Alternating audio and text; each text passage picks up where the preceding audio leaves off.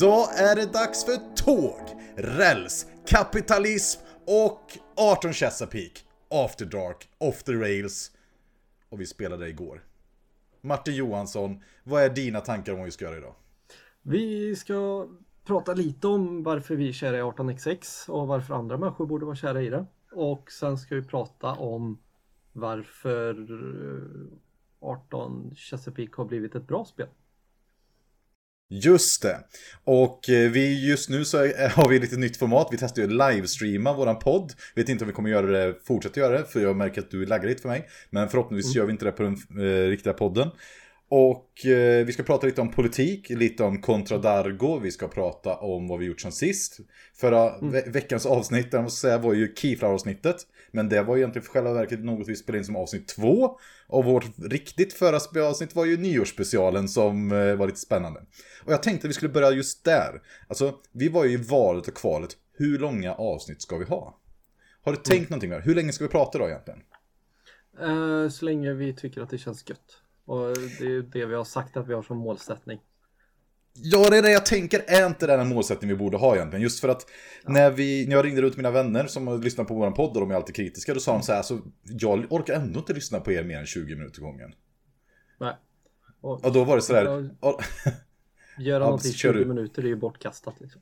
Eller ja. ja men det är liksom, det blir ju inte bli ett riktigt djupt samtal. Då blir vi sådär mellanvattmjölkiga, i och för sig mellanmjölk är bra. Men, men, men jag tänker så här, så länge vi tycker det är roligt, borde vi inte fortsätta då?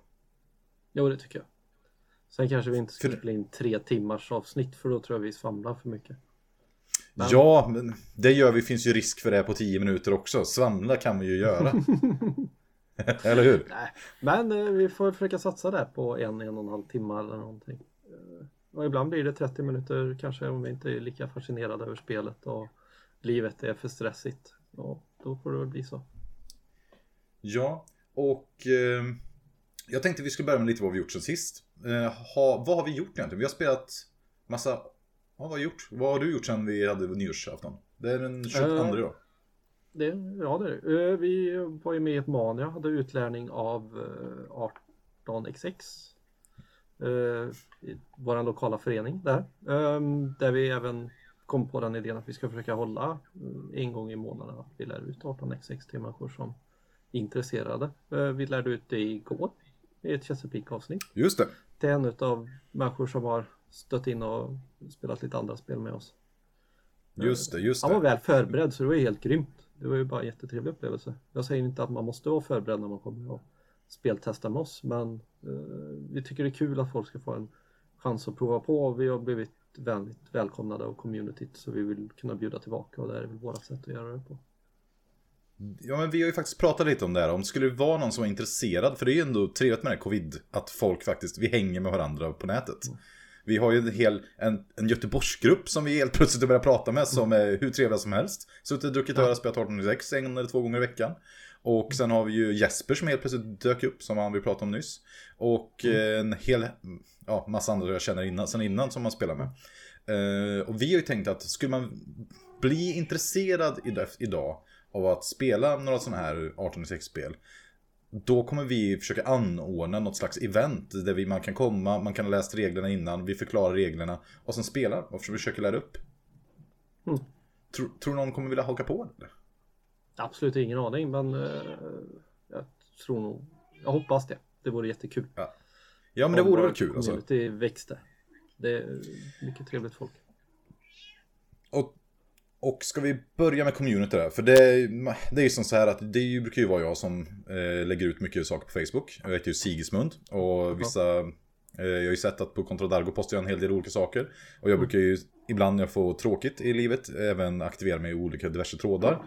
Och... Eh, senast fick jag ju en tråd spärrad som var eh, politik. Vad i brädspel är inte politik var min frågeställning. Och ja. eh, försökte diskutera lite och den blir nedplockad. Och jag har egentligen tänkt att, du vet den här andra lysande podden som vi lyssnar på. Jag vet inte vilken mm. första lysande är i och för sig. Den här Flashback Forever-podden. Ja. Där finns ju Scrollmia finns det där va? Mm. Jag har egentligen tänkt att du skulle googla upp vad politik var, men jag har glömt att säga, säga Ja. det till dig. Men, äh, men vad- jag live-googlar väl lite här då medan Ja, men kan, kan inte du live-googla det så kan jag berätta vad som hände här. Alltså att, att, så här att oavsett hur, om man lyssnar på vår podd så, så här, vi, man får ju inte prata politik när man gör sådana saker som vi gör. Och folk blir ju alltid upprörda, man blir förbannad och sådär. Och jag är ju tvärtom, tvärtom åsikt. Jag tycker ju att man ska våga vara lite politisk ibland och prata om eh, olika saker. För när annars ska man någonsin få höra andra personers världsbild? Alltså det är det jag undrar lite. Våra, våran värld har ju blivit så selekterad att vi aldrig någonsin får, får höra andra personer som tycker andra saker utifrån någon slags vettig diskussion. Alltså filterbubblor och algoritmer gör ju att vi blir mer och mer, mer instängda.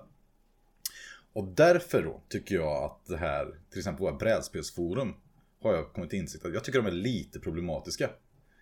Alltså jag tror ju att han här, nu heter han, jag tror han heter Thomas Contadargo, är en jättebra kille. Jag tycker ändå det är problematiskt att det är en privatperson. Hur många är det? 4000 personer som är medlemmar i det forumet. Nästan allting går genom det forumet. Och det är en person som bestämmer vad som pub- publiceras på det forumet. Så det är en demokratisk plattform. Jag förstår att vem som helst kan skapa en egen, men det är inte så internet fungerar. Alltså, Alltså, Facebook är väl skit ur det här sammanhanget om man ska vara helt ärlig. Eh, varit... men inte bara. Nej men just ur den här synpunkten för du bad mig fundera lite på det här. Ja. Jag försvann en liten stund där så jag kanske inte riktigt hörde allting du sa men det handlar ju ändå om, hade det varit något annat då hade man bara skapat en forumtråd som folk hade kunnat gå in och pratat om det. Eh, Ja, just det. Med samma folk som är tillgängliga. liksom. Där kan det, finns, där kan vara en subkategori som folk som vill prata politik och tycker att det här är en jätteviktig del utav våran hobby skulle kunna göra det där. Men du kommer ju Ja. aldrig få den breda massan om du nu skapar en grupp som heter brädspel i politiken. Då kommer det vara fem gubbar som sitter och tjötar. Och så fyra Ja, men troll eller någonting liksom. Är... Facebook är inte byggt på det sättet och det gör det till en dålig plattform tycker jag. Sen är det ju helt underbart att vi har ett community med 4000 plus användare. Men det blir ju väldigt problematiskt som du var inne på där att en person har fått det här kanske i sitt knä. Jag har inte pratat med honom personligen eller så här och det har aldrig varit hans tanke att det ska vara så här. Då kan det ju bli väldigt eh, Det är jobbigt när man får ansvar som man inte har tänkt sig att ha och inte vill ha. Det är inte där tanken är. Ja, alltså för mig hade det varit en mardröm. Alltså låt säga att det hade hänt våran podd och vi helt plötsligt hade 4000 och de flesta vanliga brädspelare i Sverige. Och sen skulle vi ha någon slags, vad skulle vi ha? Någon slags idémanifest om vad man får skriva och inte skriva, sen försöka moderera det. Ja, det är ju klart, jag tycker det, lå- det låter verkligen fruktansvärt på det sättet. Mm. Men eh, jag tycker fak- faktum kvarstår på något sätt. Han har ju skrivit en lång regelbok som jag diskuterade just i den här tråden. Och då var det någon som säger att men det står i regeln att man inte får prata politik och då står det att det är irrelevant och inte kopplingsbar politik får man inte prata eller något i den stilen.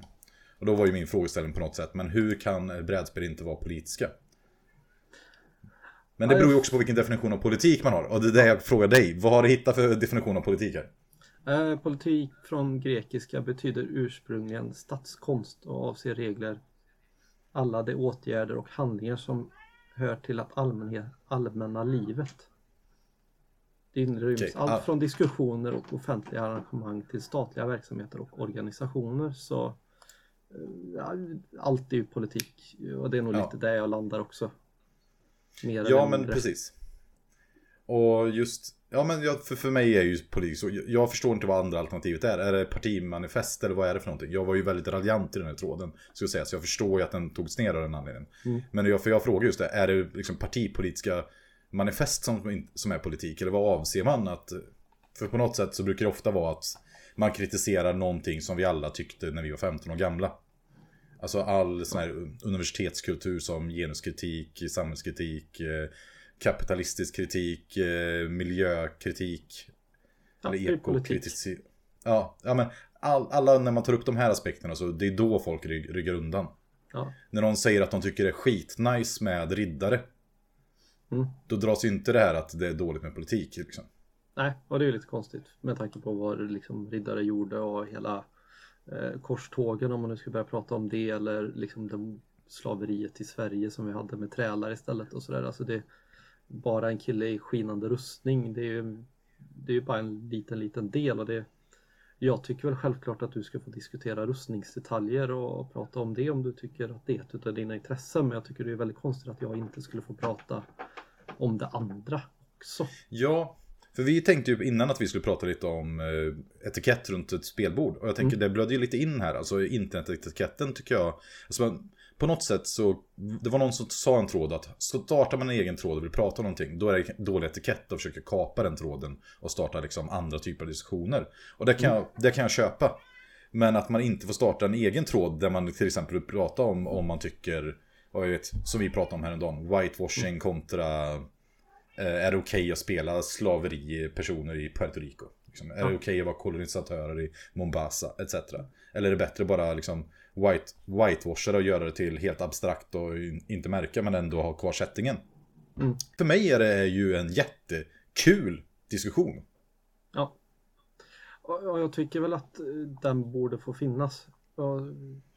Men är det inte lite av modern internetkultur att gått från att kunna kalla folk precis vad som helst till allting på alla så toxic communities man har suttit på till och från till att alla tycker att allting blir otagbart för att det kan stöta någon. Den här klassiska pendeln som åker åt olika håll. Mm, jag fattar vad du menar. Och vill man inte bli indragen i hela det så kanske man bara säger nej, vi skippar allt. Det får ni göra någon annanstans. Ja, men då är frågan vad kan man då prata om? Liksom, om ja. just det, politik, liksom, som du säger, det berörde tydligen allting. Så ja. vad, vad, finns det kvar att prata om? Men, men okej. Okay. Jo, men jag förstår också att man blir trött på det här, liksom, att man blir ifrågasatt. Men om man då i alla fall kunde få starta sina egna trådar där de som ville kunde få gå in och skriva. För som det är nu så går ju tio personer och säger så här. Censur, censur, du får inte prata om det här, du får inte prata om det här, du måste dra någon annanstans. Mm. För det var ju det som hände när jag skapade den här. Alltså personer som, som vi känner innan. Mjau, mjau, mjau. De säger att det, här, det här får du inte prata om i den här podden. Liksom, alltså det steget från att, tyck, att tycka att det är tråkigt, inte läsa tråden eller tumma ner, fast som man kan göra på alla möjliga olika ställen. Mm. Till att gå in och säga nu tycker du får inte säga de här sakerna. Nej. Jag, jag, alltså jag har ju levt ett liv som apolitisk på något sätt. Alltså jag är ju filosofilärare, jag är gammal filosof på något sätt. Eh, jag har jättesvårt att välja vad jag ska rösta på. Jag är utilitarist, tror jag, ibland. Och eh, jag har ju ingen... Jag tror att de flesta som känner mig tror att jag röstar vänster varenda val. Ja. Eller? Det tror jag också att alla dina vänner tror. Ja, och jag tror att jag röst, nästan röstat på alla partier i riksdagen vid olika val. Eh, och utanför riksdagen också för den delen. Ja, alltså, av olika anledningar, liksom, ja. sådär, vad jag tror ger bäst konsekvenser för mest antal med, inte medborgare i Sverige ens gång, utan för världen. Sådär. Ja. Eh, men Så jag har ju märkt nu att jag är... socialistisk sammanhang helt enkelt. Ja, ja, ja nej, jag vet, det ska jag nog inte kalla. Jag är kapitalist liksom. Det, det är precis som Churchill säger om demokrati, att det är det sämsta styrelseskick, eller det är ett kast styrelseskick men det bästa vi har. Ja. Men eh, så är kapitalism, det är vårt mm. bästa marknads, våra bästa ekonomiska system. Men det är skitdåligt. Ja. det finns jättemycket brister i det. Det är ja. ju... Men, men jag har märkt nu att jag har ju, jag vet inte om jag vill skada min roll som lärare, att det här, att jag är ju supermycket för demokrati. Jo. Och, och så här yttrandefrihet och hela den här biten. Ja. Sen tycker jag, så länge man inte börjar med personangrepp och sånt där om man pratar om saker eller om man nu pratar Terraforming Mars har jag varit uppe, de har ju haft en del problematik omkring sig med eh, olika uttalanden och mm. sådär och att eh, där borde man väl kunna få försvara sig om man nu blir upptagen som person och jag kan ju förstå att det kanske inte är där man vill ta debatten eh, om man nu blir den som blir utsatt för det för det hela drevmekaniken och det här. Men jag tycker, är man så pass stor i brädspels Sverige som man är då kanske man får vara beredd att ta en vettig debatt om det hela och inte bara skjuta undan det. Eller tysta det... debatten utifrån. Ja, det är, det är sant. Det är som att jag till exempel råkar säga podden. Mm. Jag menar, jag, jag tycker att det är helt okej okay att tycka olika. Det är ju det som är mm. grunden här på något sätt. Att, att man måste, precis som att jag har rätt att tycka att jag borde få prata, så har ju någon mm. rätt att tycka att jag borde inte få prata. Alltså ja. det är det hela grunden på något sätt är. Och det med Fryxelius på, är ju ett stor debatt. Och jag vet inte om du har sett det senaste. Det är ju David Ticini tror jag han heter. Jag kan inte uttala hans namn exakt. Men det är en av de här stora italienska spelskaparna. Är ju blåsvädret efter att uttalat sig. Ja, frågan är vad han uttalat. Men i översättningen så kommer det fram att han har använt n-ordet. Och eh, uttryckte som att typ att hans kompisar eh, inte tycker något illa om det. Och jag vet inte om du följer med i Premier League och sådär. Men det har ju funnits en lång historia med spansktalande personer som har fått jättestora böter. Som har kallat folk för, eh, jag tror det är negrito, som jag inte vet exakt vad det betyder. För jag Nej. kan inte spanska.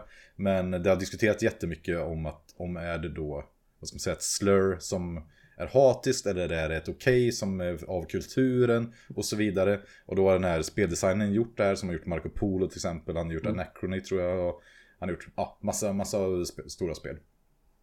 Och eh, han säger då att han är felöversatt. Mm. Och det finns ett jättestort drev nu mot honom. Och det var det som kom in. Det är ju rätt hetsig diskussioner här nu om det här. Och då hamnar jag även i den här diskussionen om att prata om, ja, borde man, får man tycka att någon, någon har sagt någonting även om man blir vilseledd? Jag tycker ju det. Även om det är kast. Ja, men, men eh, det är ju, ja jag vet inte vad jag ska säga om det här. Ska vi bara hoppa över och börja prata spelare istället? ja precis. Det kan vi göra. 18 chess då. Och After Dark, men det heter någonting nytt nu. Som inte låter lika problematiskt kanske. Jag vet inte. Off the rails Ja, off the rails heter det. Off the Ja. rails heter det. Ja, men ska vi börja med, som vi alltid börjar med, eh, produktion. Produktion, designer, eh, vad är det för typ av spel, vad är det för bakgrund? Mm. Är det jag som ska börja med det här som vanligt? Ja, designer är ju din grej. Alltså jag har ju absolut Ja. ingen koll och har inget intresse av att lära mig. Grejen är att jag är egentligen intresserad av att ha egentligen bra koll. Men det här är ju Scott Peterson som driver bolaget All Aboard Games. Som för fram tills två år sedan skulle jag säga. Han gjorde egna handgjorda spel och skickade ut i världen mot eh, kostnaden. Spelen brukar kosta runt eh, 2000 kronor. Eh, 1500, 2500 någonstans däremellan plus frakt och moms. Och man fick vänta ungefär ett år för att få ett av de här spelen. Sen så startade han en Kickstart-kampanj för 18 Chesapeake som fick ett enormt eh, över förväntan, gick helt enkelt väldigt mycket över förväntan och har nu blivit en massproducent av 18xx-spel. Det här är ett av, hans, de, av de spelen som han har själv designat. Han är ju med och speltestar och designar vissa spel. Och han gjorde det här för att få till ett, eh, vad man kallar weeknight-spel. Och eh, ja, som även skulle vara anpassat för att introducera nya spelare till eh, 18xx-genren. Mm. Och jag Det kan vi nog säga massa egentligen- saker om en stund. Men Ja, men precis. Och, eh, och sen efter det här så har det kommit en variant som kom nu häromdagen. Som finns på 18xx Games som är en fantastisk eh, online-plattform för 18xx-spel. Och den heter alltså 18xx Games kan man gå in på. Är gratis, suveränt bra. är det inte någon Antagligen... svensk som gör typ delar utav Jo, jag tror han heter Per Westling, Westberg, Westberg. Ja, han är, Per, Per kommenterar mycket på Facebook i 18x-gruppen, suverän. Mm. Eh, jo, men precis, och de har ju ett, det är ju öppen, open source-projekt och de får tillstånd av bland annat All Aboard Games att släppa spel där. Så det är ju, Helt det här är ju en ja, helt grymt och det är en scen som håller på att växa mycket och det här spelet har ju då gjort att det finns någon slags ny våg av 18x-spelare. Mm.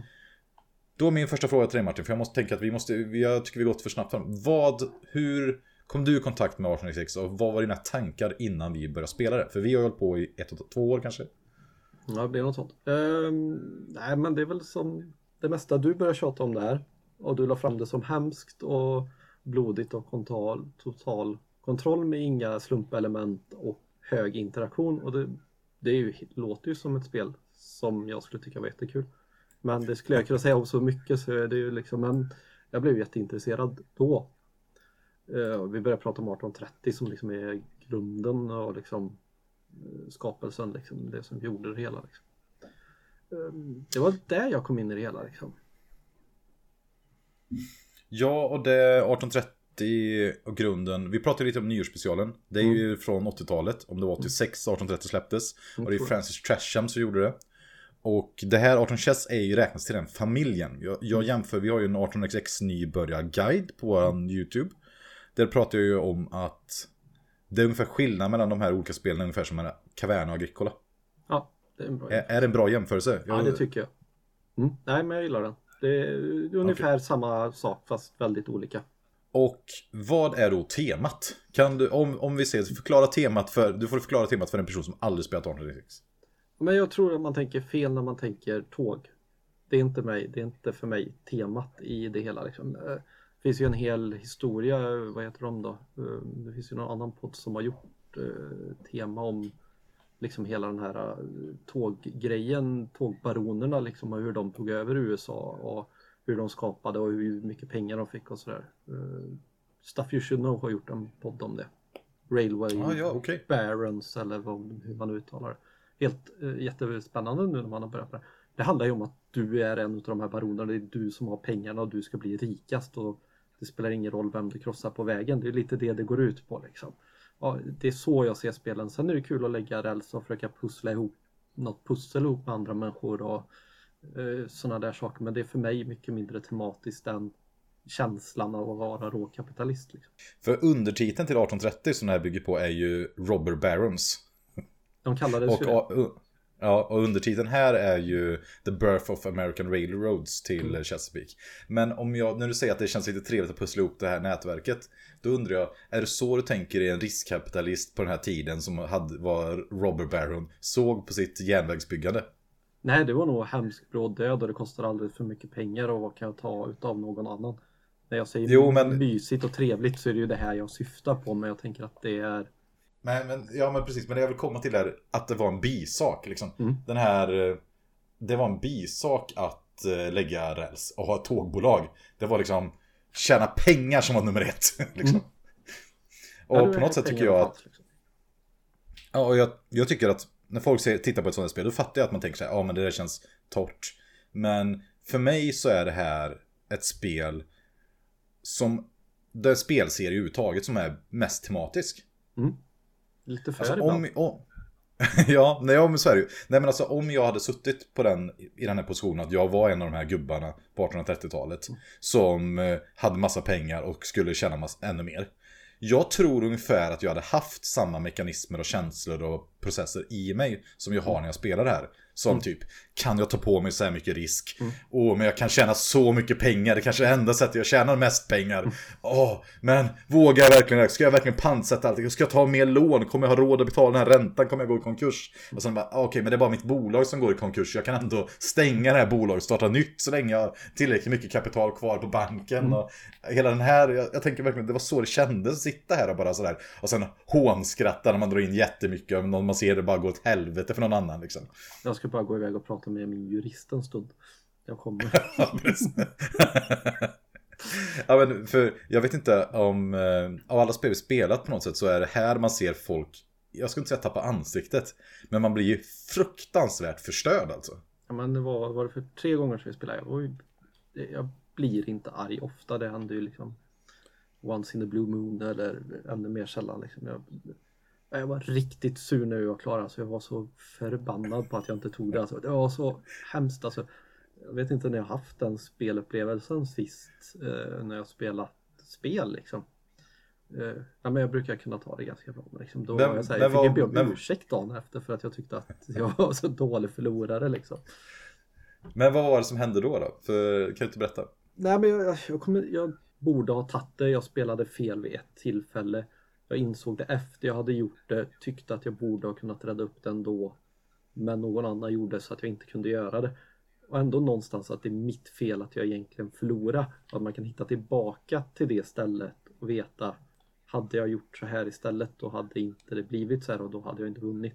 Besvikelsen i sig själv är ju någon form av drivkraft. Liksom. Ja, alltså verkligen. Och det, på något, vi brukar ju alltid prata om känsla i spel och sådär. Och jag tänker att det passar väl bra in att ta upp det här. Alltså vad... Vi kanske... Jo, men det är väl bra att prata om. Alltså den här... Alltså, känslan i det här spelet är ju att man är rädd hela tiden när jag spelar det här spelet. Ja, det är väldigt kanske, få gånger alltså, hela spelet. säker liksom, men ja. Och att man hela tiden, och problemet är att de gånger man känner sig säker så är antingen spelet slut. Eller så är det att man spelar för dåligt, skulle jag säga. Att, Känner jag mig säker, att, då kommer jag två. Ja, exakt det var det jag skulle ja. komma till. Och då, och då vet man det direkt när man börjar känna sig säker. Man bara aj, aj, aj, jag har för lite risk. Jag har tagit alldeles för lite risk i det här spelet. Eh, men ska vi kanske ska prata lite om mekanikerna först innan vi kommer in på alla känslor. Vad, skulle du kunna förklara, vad, hur går ett sånt här spel till då? Om man, eh, för en person som eh, spelar Alldeles. ett Eurospel. Ja, eh, först börjar det med en auktion där man får köpa lite småföretag. Jag tänkte i Caverna och köpa hus. Eller alltså uppgradera ett hus. De gör lite bra saker, de kostar en viss resurs. Fast sen kan du sälja dem igen till någon annan senare i spelet så du får tillbaka en massa pengar. Men det är ett senare bekymmer. Men det är ungefär någon form av liknelse. Eh, och det är en fallande auktion så alla ska bjuda på de där och alla har chans att lägga ett bud. Och det är lite trixi kring det hela och folk måste ta ansvar för annars får någon alldeles för bra private som det heter. Eh, Och det, men typ, är det så en, är det typ en variabel setup med aktionsmoment? Kan man, Det beror på ibland. Eller ja, det skulle man kunna säga. Men de är ju mer, och, mer eller mindre varierade. just det, Som det är exakt ju- samma varje gång. Ja. Ja, eh, 30 är ju fast det är ju samma alltid om man vet vilka vem som kommer i stort sett köpa vilket beroende på vilken fas man går ut i och sådär. Chess är den ju lite mer varierad för att det gör, de gör inte samma sak varje gång. Ja, och, eh, men man, den, man skapar symmetri i steg ett i alla fall. Mm. Och eh, mellan spelarna. Så från början är det ju helt jämnt. Alla börjar med eh, en viss typ av... Man börjar med pengar, enda resursen i spelet. Mm. Jag tror att banken är på till exempel 12 000. Nu kommer jag inte ihåg vad banken är i det här spelet. Om det är 8 000 eller någonting. Mm. Man får en mellan 400-500 ofta i de här spelen. Dela på. Mm. Och, eller man får det var. Och sen börjar spelet. Sen sker den aktionen som Martin säger. Och då har man då asymmetriska positioner efter aktionen. Mm. Och vad händer sen? Ja, och sen ska du då starta ditt bolag som du ska driva framåt. Oftast är det så här, det finns ju massa undantag och sånt där och det kommer vi inte komma in på idag men eh, du ska få starta ditt tågbolag och det är oftast något känt tågbolag i amerikanska eller i historien som har funnits och startat vid, rätt, vid den platsen på kartan och sånt där.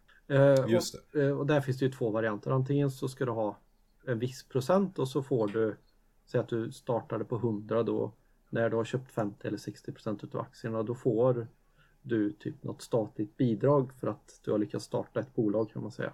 Och så får det bolaget 1000 kronor och du har fått betala 5 eller 600 då. Andra varianten det. är ju att du startar ett bolag och så de aktierna du köper, de pengarna får bolaget så har du köpt två aktier då har bolaget 200. Har du köpt en så har du 100. Jag älskar hur du är så inne i 18 så du bara förklarar, bara helt självklart antar att en aktiemarknad här i. Alltså, det, kan, det kan vara en bra poäng att säga. Alltså spelet, man kan säga så det finns stock rounds och det finns operating rounds. Stock rounds är aktiehandel. Då går man med sina egna privata pengar, handlar aktier som motsvarar procentandelar i de olika tågbolagen. Tågbolagen som Martin säger, precis, startar upp när de har sålt ett visst antal procent. I 18 Chesapeake är det 60% och det är också vad en max en person kan äga. Man kan inte ha monopol i en, ha en monopolsituation på något sätt. Eller kan man säga fullägt? Jag vet inte. Men det är alltid andra aktieägare som kan ha chansen och ja, investera i ens aktier.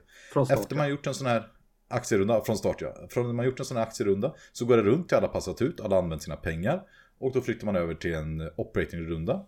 Eller ett antal operating-runder. Och där är bara de personer som äger ett företag som får agera. Så har- man bara köpt aktier men inte har flest. För den som har flest aktier är den som är presidenten över ett företag. Den som är presidenten får styra.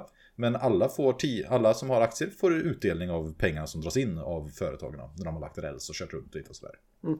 Är det typ Och- vad man gör? Ja, typ ja, så kan du ju vara president i massa olika bolag då. Och du kanske har tre runder i den ORen. Medan andra bara har en för de äger bara ett bolag. Sen är, har man gjort det här, ett, då går man tillbaka till en ny aktierunda. Och sen går man till en eh, operatingrunda, aktierunda, operatingrunda, aktierunda. Tills banken är slut. Eller Då någon tar man- Eller någon går till konkurs ja. Mm. Då tar man alla sina pengar plus vä- värde, värde, aktier. Kollar hur mycket de är värda plus pengarna. Det är en slutscore. Mm. Så i de här spelen är det inte sitta med en penna papper, eller penna, oh, okej, men räkna, okej jag hade två grisar, en häst, eh, var, och sen hade jag den här byggnaden. Utan här är bara pengar plus, plus aktier, sen är det, då är man sluträknad. Och det är väl därför det finns lite så här roliga skämt om att man kan spela det i Excel och sådär. Just Ja, och det har vi faktiskt använder En, så, ja, det har vi gjort. Mycket användbart också ska jag säga. Kan du inte beskriva en tur i en eh, aktierunda? Liksom, vad är dina olika valsituationer? Är det, är det spännande? Är det intressant? Vad är det som är svårt? Eh, hur känns det liksom? väldigt olika ska jag säga. Vissa går man in i och säger så här, men jag har det jag vill ha, jag vill köpa den här aktien, det är klart. Jag sitter bra och tryggt i båten. Ja, andra position igen där då, men ibland sitter vi på bäst bolag och inte vill investera i någonting annat. Då brukar det oftast lösa sig, men ibland så sitter du som andra person då i, säg att jag Erik äger ett företag, Erik äger 60% och äger 40% i hans bolag för det verkar så himla bra att dra in så mycket pengar åt mig. Och det första Erik gör när han går in i Stockround då, det är att han säljer 50% av sina aktier. Och då är jag helt plötsligt president i det här bolaget som kommer att ha ett tåg som rostar början av nästa tur så att jag måste köpa ett tåg. Och vad är då tågrostning? Ja, det, är, det går ut i olika steg från ett tåg som går 2, 3, 4, 5 och sex och sen kommer diesel. Eh, de får köra olika långt och kostar olika mycket och kommer ut i olika steg men tvåorna rostar när fyrorna kommer in. Och temat på det är väl att det är liksom ny teknologi som har kommit. De gamla sletna koltågen. De sparkar vi ut. Här kommer de feta dieseltågen. Då är det ingen som vill ha någon räls. Eller de får inte ta någon rälsplats. Så teknologin är borta. Ja. Och när man säger rosta då. Det är att helt enkelt de bara försvinner. Alltså det, det är inte som i många andra eurospel. Att åh, jag har en... Ja, när den här blir uppgraderad så blir den bättre. Men jag har fortfarande kvar den här andra gamla. Utan nej, de försvinner. Det här med att vara president då, för det är ju stor del av den nervkittlingen du spelar. Vad, är det inte bra att styra? För vi sa ju det här att i operatingrundan är det ju presidenten som styr. Men vad är nackdelen här då? Ja, du är ju ekonomiskt ansvarig över ditt bolag. Du har ju ändå tagit ansvar över det här att det ska kunna köra tåg och kunna ge aktieutdelning och sånt där. Det har ju du lovat när du tog på dig presidentskapet eller eh, blev president av någon annans eh. Och det kan ju innebära att du måste betala pengar, dina egna pengar för att köpa ett nytt tåg. Eh, och i allra värsta fall så kan det ju vara så att du inte har råd att köpa ett tåg till det nya tåget så du måste sälja av alla dina andra aktier och all, lägga alla dina pengar och så konkursar du då. Och då går du ju personlig konkurs och inte bara företaget. Och då är ju spelet slut oftast. Det finns olika varianter med olika setups och sånt där på, som gör det annorlunda men det är grunden. Och då är det oftast förlorat. Ja, då måste jag fråga dig först. Så här, ena saken är, det här undrar är det här verkligen tematiskt? Eftersom vi är lite inne på temat. Är det att, att presidenten ekonomiskt är ansvarig när det går riktigt kast för bolaget? Det förvånar mig inte om man nu har skrivit på kontrakt och hela den här biten att man ska lyckas leverera och sådana här saker. Det kanske inte är riktigt så här, men det är ju folk som har Jag tror det fanns ju folk som försvann fullständigt ja. och inte hade pengar längre. Nej, det så, så kan det ju vara i och för sig. Att, man, att det simulerar på något sätt att presidenten går in med sina sista pengar som egenföretagare och försöker basera upp. Skulle jag vara modern så skulle presidenten bli kickad från en fet fallskärm typ istället. Ja, precis. Härliga med modern kapitalism istället. Det är ju på tal om ett splotterspel som vi inte spelat, Greed Incorporated. Det går det ut på att vara president och smussla undan så mycket pengar som möjligt. Och köpa lyxvaror för det. Det låter gött. Det, det, ja, det låter jävligt gött. Men, men då är det så här, okej, okay, men om vi pratar känsla här då, liksom, för enda sättet du kan få, vi kallar det ju dumpat ett bolag. Mm. Det, du måste minst äga 20% själv för att någon annan ska kunna dumpa det på dig. Det innebär ju att du måste ha två aktier av en annans bolag mm. för att kunna ta över det i en, i en taskig position standard är då i spelet att köpa en aktie mm. av alla bolag. Och sen sitta lite och ta det lite lugnt, ha ett bra bolag som drar in pengar och sen äger man en av varje. Mm. Det är ju en bra hur, strategi hur för att bli tvåa. Eller trea. Ja. ja, absolut. Och när vi började spelet var det kanske att vinna också för den delen. Men, ja. men hur, hur läskigt är det i det här spelet att köpa aktie 2? Det är ju jätteläskigt. Det är mycket... Ja men liksom om du har en läskighetsskala. Vad är i brädspel? Nolla är typ eh, ta trärutan i Agricola. Mm. 10 är jag vet inte. Max läskigt. Men det är ju det läskigaste du kan göra i spelet. Skulle jag säga. Mm. Ta aktie 4 är ju inte alls lika läskigt som att ta aktie 2. Då är det ju liksom redan committat och det är ju kört i vilket fall som helst om det är där man landar. Andra är ju sjukt läskigt. Ja men, men om du får försöka rangordna den i liksom brädspels... Finns det något läskigare spelmoment i något spel? Mm, bra fråga. Om vi säger så här då, om vi... Om men... Okej, för mig är det nog en 9 eller 10 i alla fall. Ja, den är Men just i 18 Chess kanske inte lika läskigt. Nej, där är nog bara en 7 eller en 6 Vi har ju sagt att man inte kan gå i konkurs i grundspelet, men det är ju tydligen fel också när man har crossinvestat hejvilt och sådär. Mm. Och Ja. två nya spelare runt bordet. Det, det gick åt helskotta. Men det var kul. Okej, ja. Eh, men, men, nej, men, jag- okej, men Ja, men åtta, vad ska vi säga som exempel? Um, det enda jag kan komma på som är lite likt det är när man spelar, vad heter det där dåliga spelet som du har? När man har tuffa robotar som inte får slåss. För då blir alla jätte... Sight. Ja, precis. Värdelöst spel.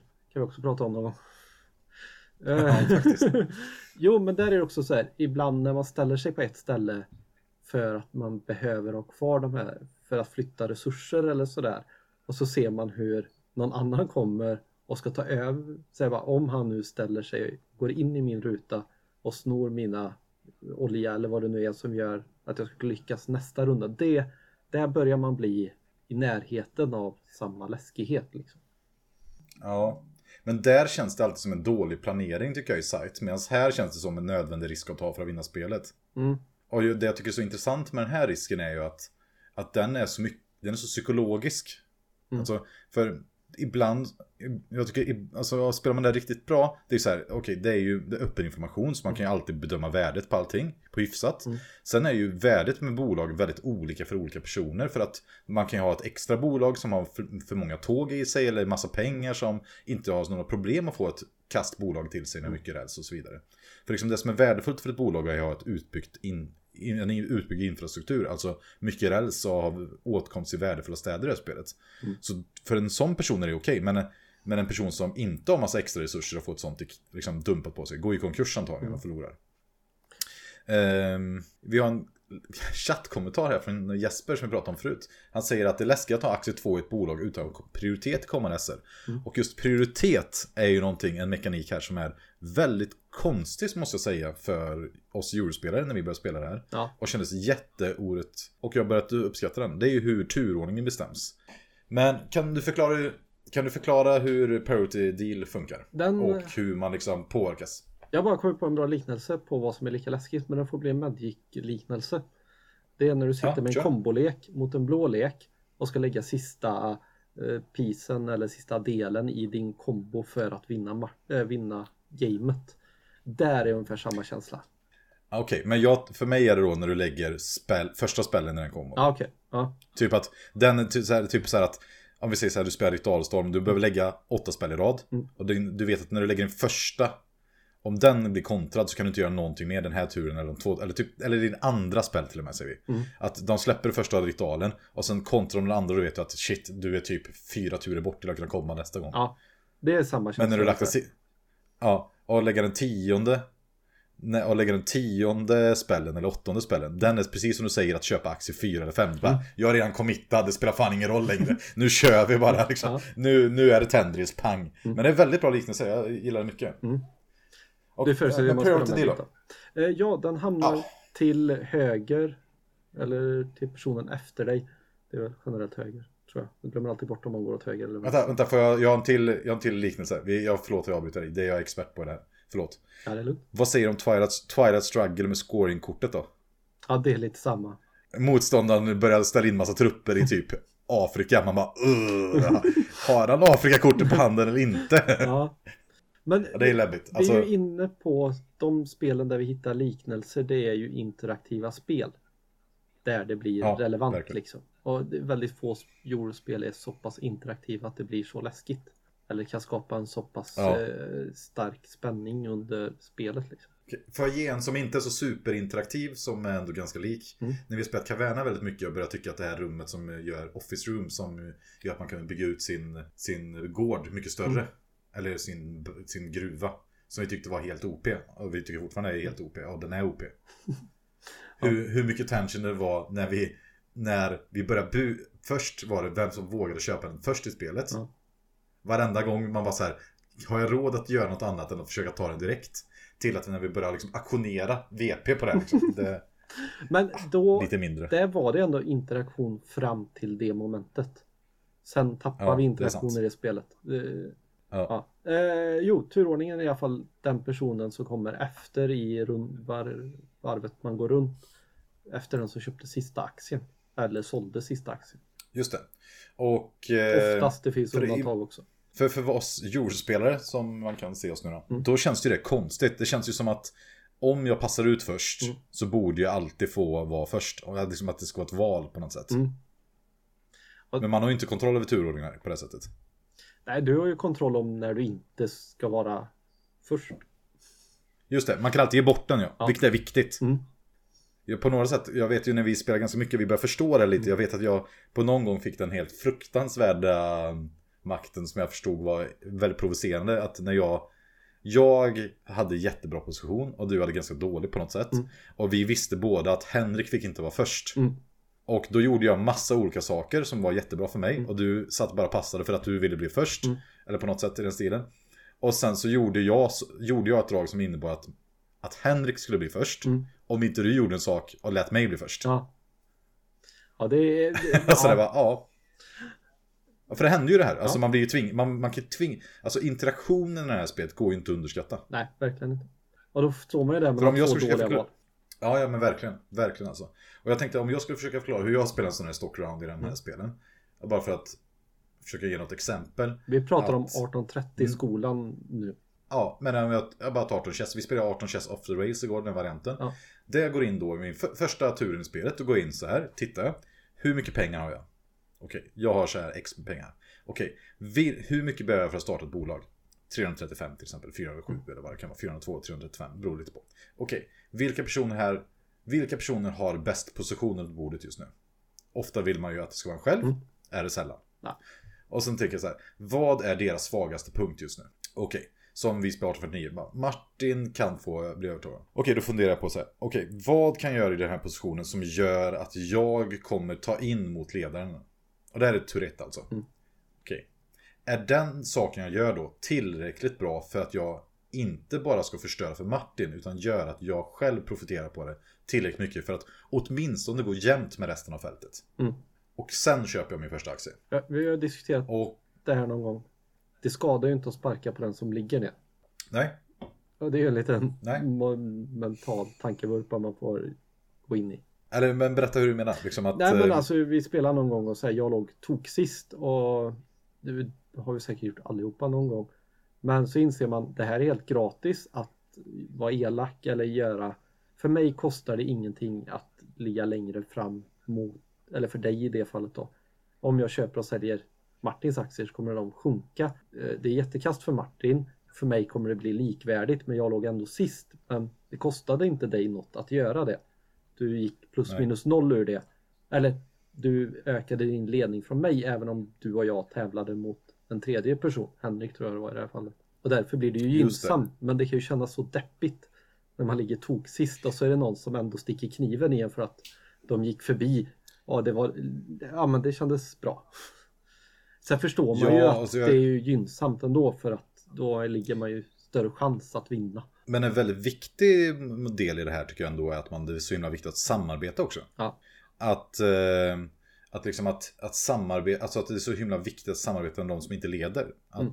att precis som ibland som du säger att det kan vara värt att sparka som ligger, men ofta vill man också samarbeta med den. Du vill gärna gynna den på olika sätt för att du vill att fler personer, till exempel om någon person har jättebra tåg som någon gång kommer rosta, då vill du att alla andra personer i spelet ska ha så bra ekonomi som möjligt så att de kommer kunna köpa tåg och vilja rosta de här andra tågen. Mm. Och det är det som är så svårt på det här sättet. Jag tycker att, att skapa de här incitamenten för folk att verkligen ja, men hjälpa en. Mm. För är, man hjälper varandra. Men, men det är så otroligt interaktivt. För det folk säger så här att det handlar om kingmaking och att man vad heter det, pack, packar ihop sig och slår mot ledarna och sånt. Ja, fast det här är ett interaktivt spel. Man måste alltid spela mot alla andra hela tiden. Mm. Och därför är det så viktigt när vi har spelat att man bestämmer hur man ska spela. Om man ska spela för vinst eller en andra plats, tredje plats, om det är okej och så vidare. Mm. Men det kanske är ett annat avsnitt vi har att snacka om. Jag tänkte För jag har på... en sak till om det här. Ja. Eh, Kör. Eh, att igår när vi spelade, vi fick en kommentar av Jesper som var första gången han spelade och vi spelade Mm. den här varianten som är lite hårdare. Och han sa ju att, eh, att ibland så är det läskigt att sparka på den som ligger för den kan gå i konkurs. Mm. Och om någon går i konkurs så slutar ju spelet. Och då är det ju rakt av fel att liksom, sänka någon så pass mycket. Men det är också därför det kan vara väldigt gynnsamt för en att sparka på den som redan ligger. För att spelet tar slut. Och skulle du vara en av dem som tjänar på det. Då är det ju rätt att sänka den som... Och det tycker jag, det är en väldigt intressant mekanik. Och när vi har spelat har vi också börjat använda det här som ett vapen. Att när man ligger man sist. Mm. Då kan man ta på sig jättemycket risk. Alltså man köper på sig massa egentligen rätt farliga aktier. Men du vet att om jag går i konkurs så kommer alla andra förutom en förlora på det. Ja. Så ingen kommer kunna göra något Mm. mot det. Det var det jag tänkte gå in med. Det som är spännande i Stockround då. Du, du vill ha ett bolag som är tillräckligt bra som ingen vill ha så att du kan dumpa det så du har kvar jättelite aktier i det. För att börja Just- dra igång någonting nytt. Men det får ju inte vara Du kan ju inte dumpa ett för bra bolag för då måste du sitta kvar på det.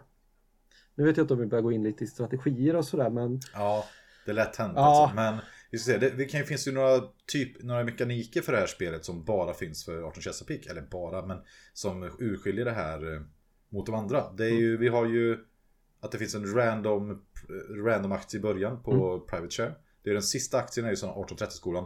Alltid att man får presentaktien i ett bolag. Mm. Det kostar ganska mycket pengar, 220 ofta, Mm. 200 i vissa, 150 i andra. Eh, Man får då presentaktien och eh, ja, det är vad den gör. Den ger lite passiv inkomst. Mm. Och eh, i det här spelet är den framlottad. Mm. Vad tycker du om den mekaniken med spelet? det gör den att den kan vara en okej aktie till att vara den sämsta aktien. Den brukar generellt sett alltid vara den sämsta aktien men den kan bli så himla mycket sämre i det här. Det är ju någon som får offra sig på att ta den.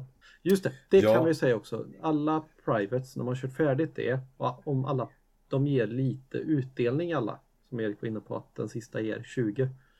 Om ingen, eller den ger någonting. Så länge det inte är vissa 30 saker. det här, ja. ja. Och passar alla då, då ger man en utdelning på alla små bolag man har. Så den som har inte har någon inkomst kommer ju automatiskt förlora på att inte ta det bolaget. För alla andra får ju mer pengar för varje gång man passar och alla andra vill ju bara passa för att eh, de tjänar ju mer mot den som ligger sist. Det är ju någon som kommer leda och det finns väl säkert någon teoretisk chans om att det finns någon brytpunkt någonstans. Att när jag har tagit 300 då är det fortfarande värt att ta det även om jag inte ligger etta för att ettan har fått 400 och då hamnar jag efter för mycket ändå eller något sånt där. Det kan säkert finnas något konstigt undantag som vi inte har tittat på. Men grundtanken är att den som inte har någon inkomst måste köpa den. eh, För annars eh, kommer man förlora. Och det gör ju i det här det fallet så kan det ju, den kan ju hamna på ett bra ställe på ett bolag som du egentligen kanske hade velat starta. Och då kostar den säg 200 och du hade tänkt starta det bolaget på 200. Då är den i stort sett gratis då. Men det kan ju vara att den hamnar på helt fel ställe på ett bolag som du inte vill ha. Som ingen vill ha. Och då är det ju jättehemskt.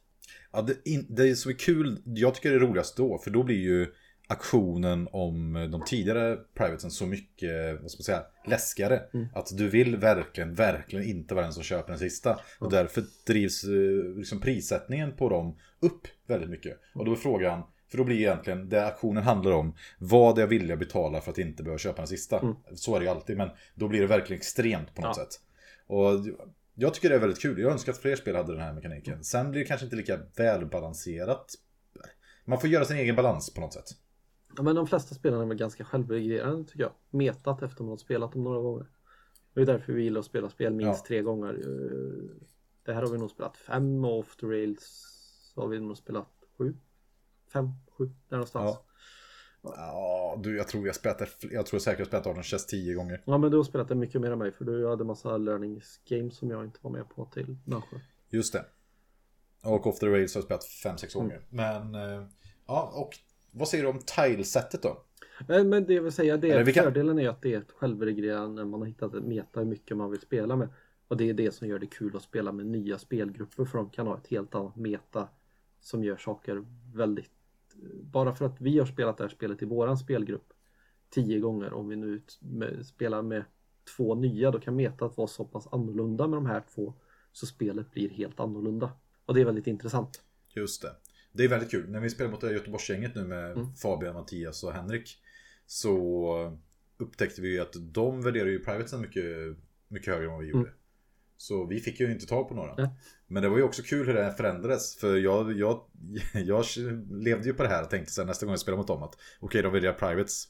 Så jag satt ju och bjöd upp massa privates och sen helt plötsligt släppte Mattias, det var ju 49, Mm. eh, teleport-privaten för jättemycket pengar som jag var tvungen att betala. Och alltså jag blev så paff. Alltså jag trodde verkligen att de fortfarande skulle vara Alltså i sitt meta och i vårat.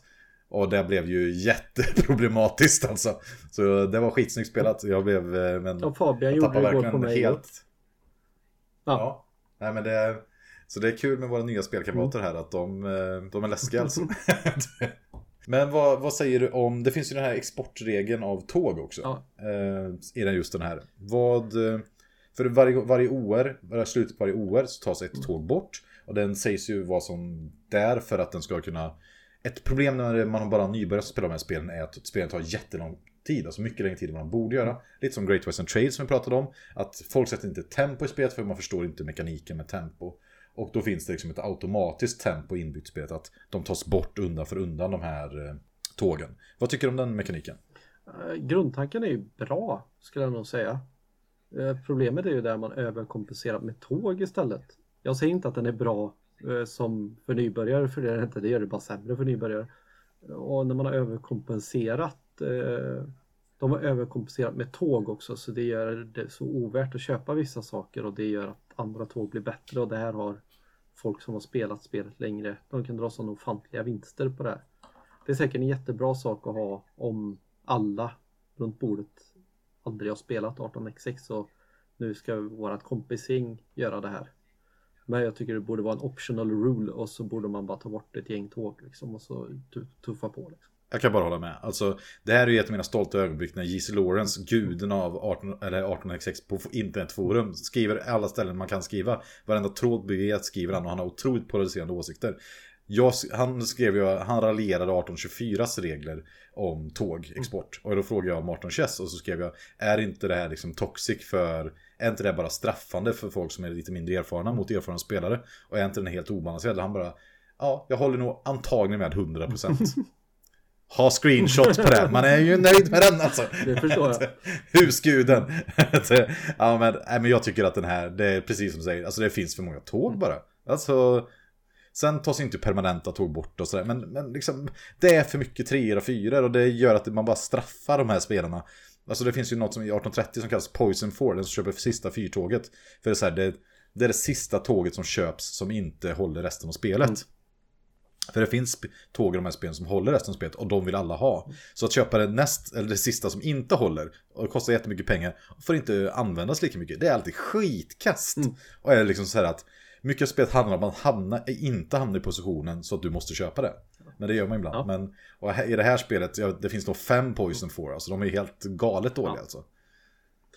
Och det, Det, ja. det är det största bekymret med det spelet tycker jag. Eh, vissa tycker väl det är en jättestor fördel, jag vet inte. Jag har hört folk säga att de tycker det är trevligt och sådär. Jag tror inte de har spelat spelet tillräckligt många gånger. Min åsikt. Men jag håller, men jag håller med dig. Alltså är man en, hel, en grupp helt med nybörjare, jag tror det är en bra regel.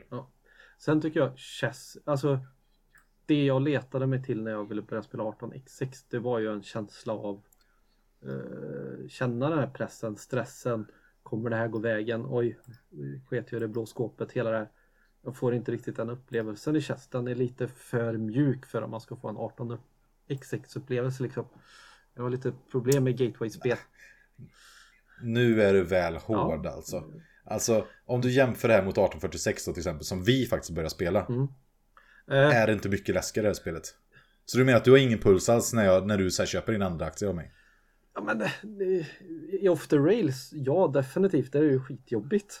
Det är jätteångestladdat. Ja. I vanliga chess är det så här, ja, nej, jag kommer ju ha sju runder på mig att lösa det här innan det faktiskt händer någonting. Det var ju Okej, ofantligt. men nu, vänta, nu, jag måste backa, jag måste backa. Du är för entusiastisk Martin. Mm. Nu får du tänka så här. Tänk så här att du har det är oskuld. Mm. Och sen så får du liksom första gången kyssa en person, typ. Mm. Då skulle det kännas rätt så mycket liksom att stoppa in tungan i någons mun. Ja, jag förstår hur du tänker. Men om jag nu hade förväntat Men mig nu- sex och sen nu kommer du tillbaka till- besviken. Ja, men om nu är du liksom den här, den här personen som har liksom varit sexmissbrukare i 30 år och sen kommer tillbaka och ska recensera en kyss. Bara, nej, alltså det där är ingenting. Eller, ja, men, om, om du bara har spelat, vi säger, det mest läskiga spelet vi har spelat innan är matpressen Agricola och eh, optimeringsproblemen i GVT till exempel då. Nej, men jag tänker att eh, även om du är 14 år oskuld och någon säger ikväll ska vi ha sex och så får man bara hångla lite. Hade du inte varit besviken? Okej då, men, men jag vill inte gå in i de här liknelserna mer. Jag är för pryd. Men om man har... jag, tror, jag tror fortfarande så här att om du bara har spelat de här eurospelen som vi pratade om. Hade inte det här känts otroligt eh, läskigt? Ja, kanske. Men jag tror det är lite beroende på hur man är som person också. Jag tror att det här kan vara jättebra Ja. för många människor. För det finns människor som tycker gateway-spel är bra. Och tycker att det är så man ska introducera nya människor och det här är trevligt. Jag tror antingen tycker man det här är kul och då lever man med att det gick åt helvete och man fick stryk. Och så gör man någonting, antingen så spelar man aldrig igen eller så kommer man lägga ner alldeles för mycket tid. Där är jag och de människorna som jag umgås med är också oftast där. Eh, Letar man sig till den breda alltså- massan då, är, då får man kanske vara lite finkänslig och mjuk i kanten. Ja men alltså, jag, jag, alltså jag, jag, äh, jag, kan inte, alltså jag kan inte förstå det Martin alltså. Jag, jag förstår vad du säger alltså. Men alltså att en person som, som vi, som har spelat liksom, vi tyckte så här, åh i States, det känns läskigt. De, det är i och för sig skitläskigt, vad ska jag säga om det? men, men liksom, och sen så köp, det, det första det händer då är att någon person, du köper lite aktier och liksom har, har lite bolag här. Och sen bara, ja men det här bolaget ser bra ut. Och sen så inser du, sen så det sista den personen gör i sin runda, det när den har prövat ut deal, det är inte att köpa ett tåg, utan den köper fyra tåg.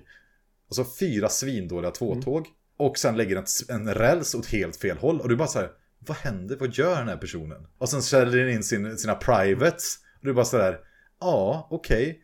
Och så här, bolaget är tömt på pengar. Du bara så här, men varför gör han det? Det verkar jättedåligt för honom. Och sen så äh, så, så är det hans tur. Och sen så lyfter han upp den här liksom arket med alla aktier och pengar och skit och tågen som är helt värdelösa och snart kommer rosta. Och bara så här, varsågod herr president. Och sålt alla sina aktier. Och här är problemet, du kan rädda dig ur den situationen.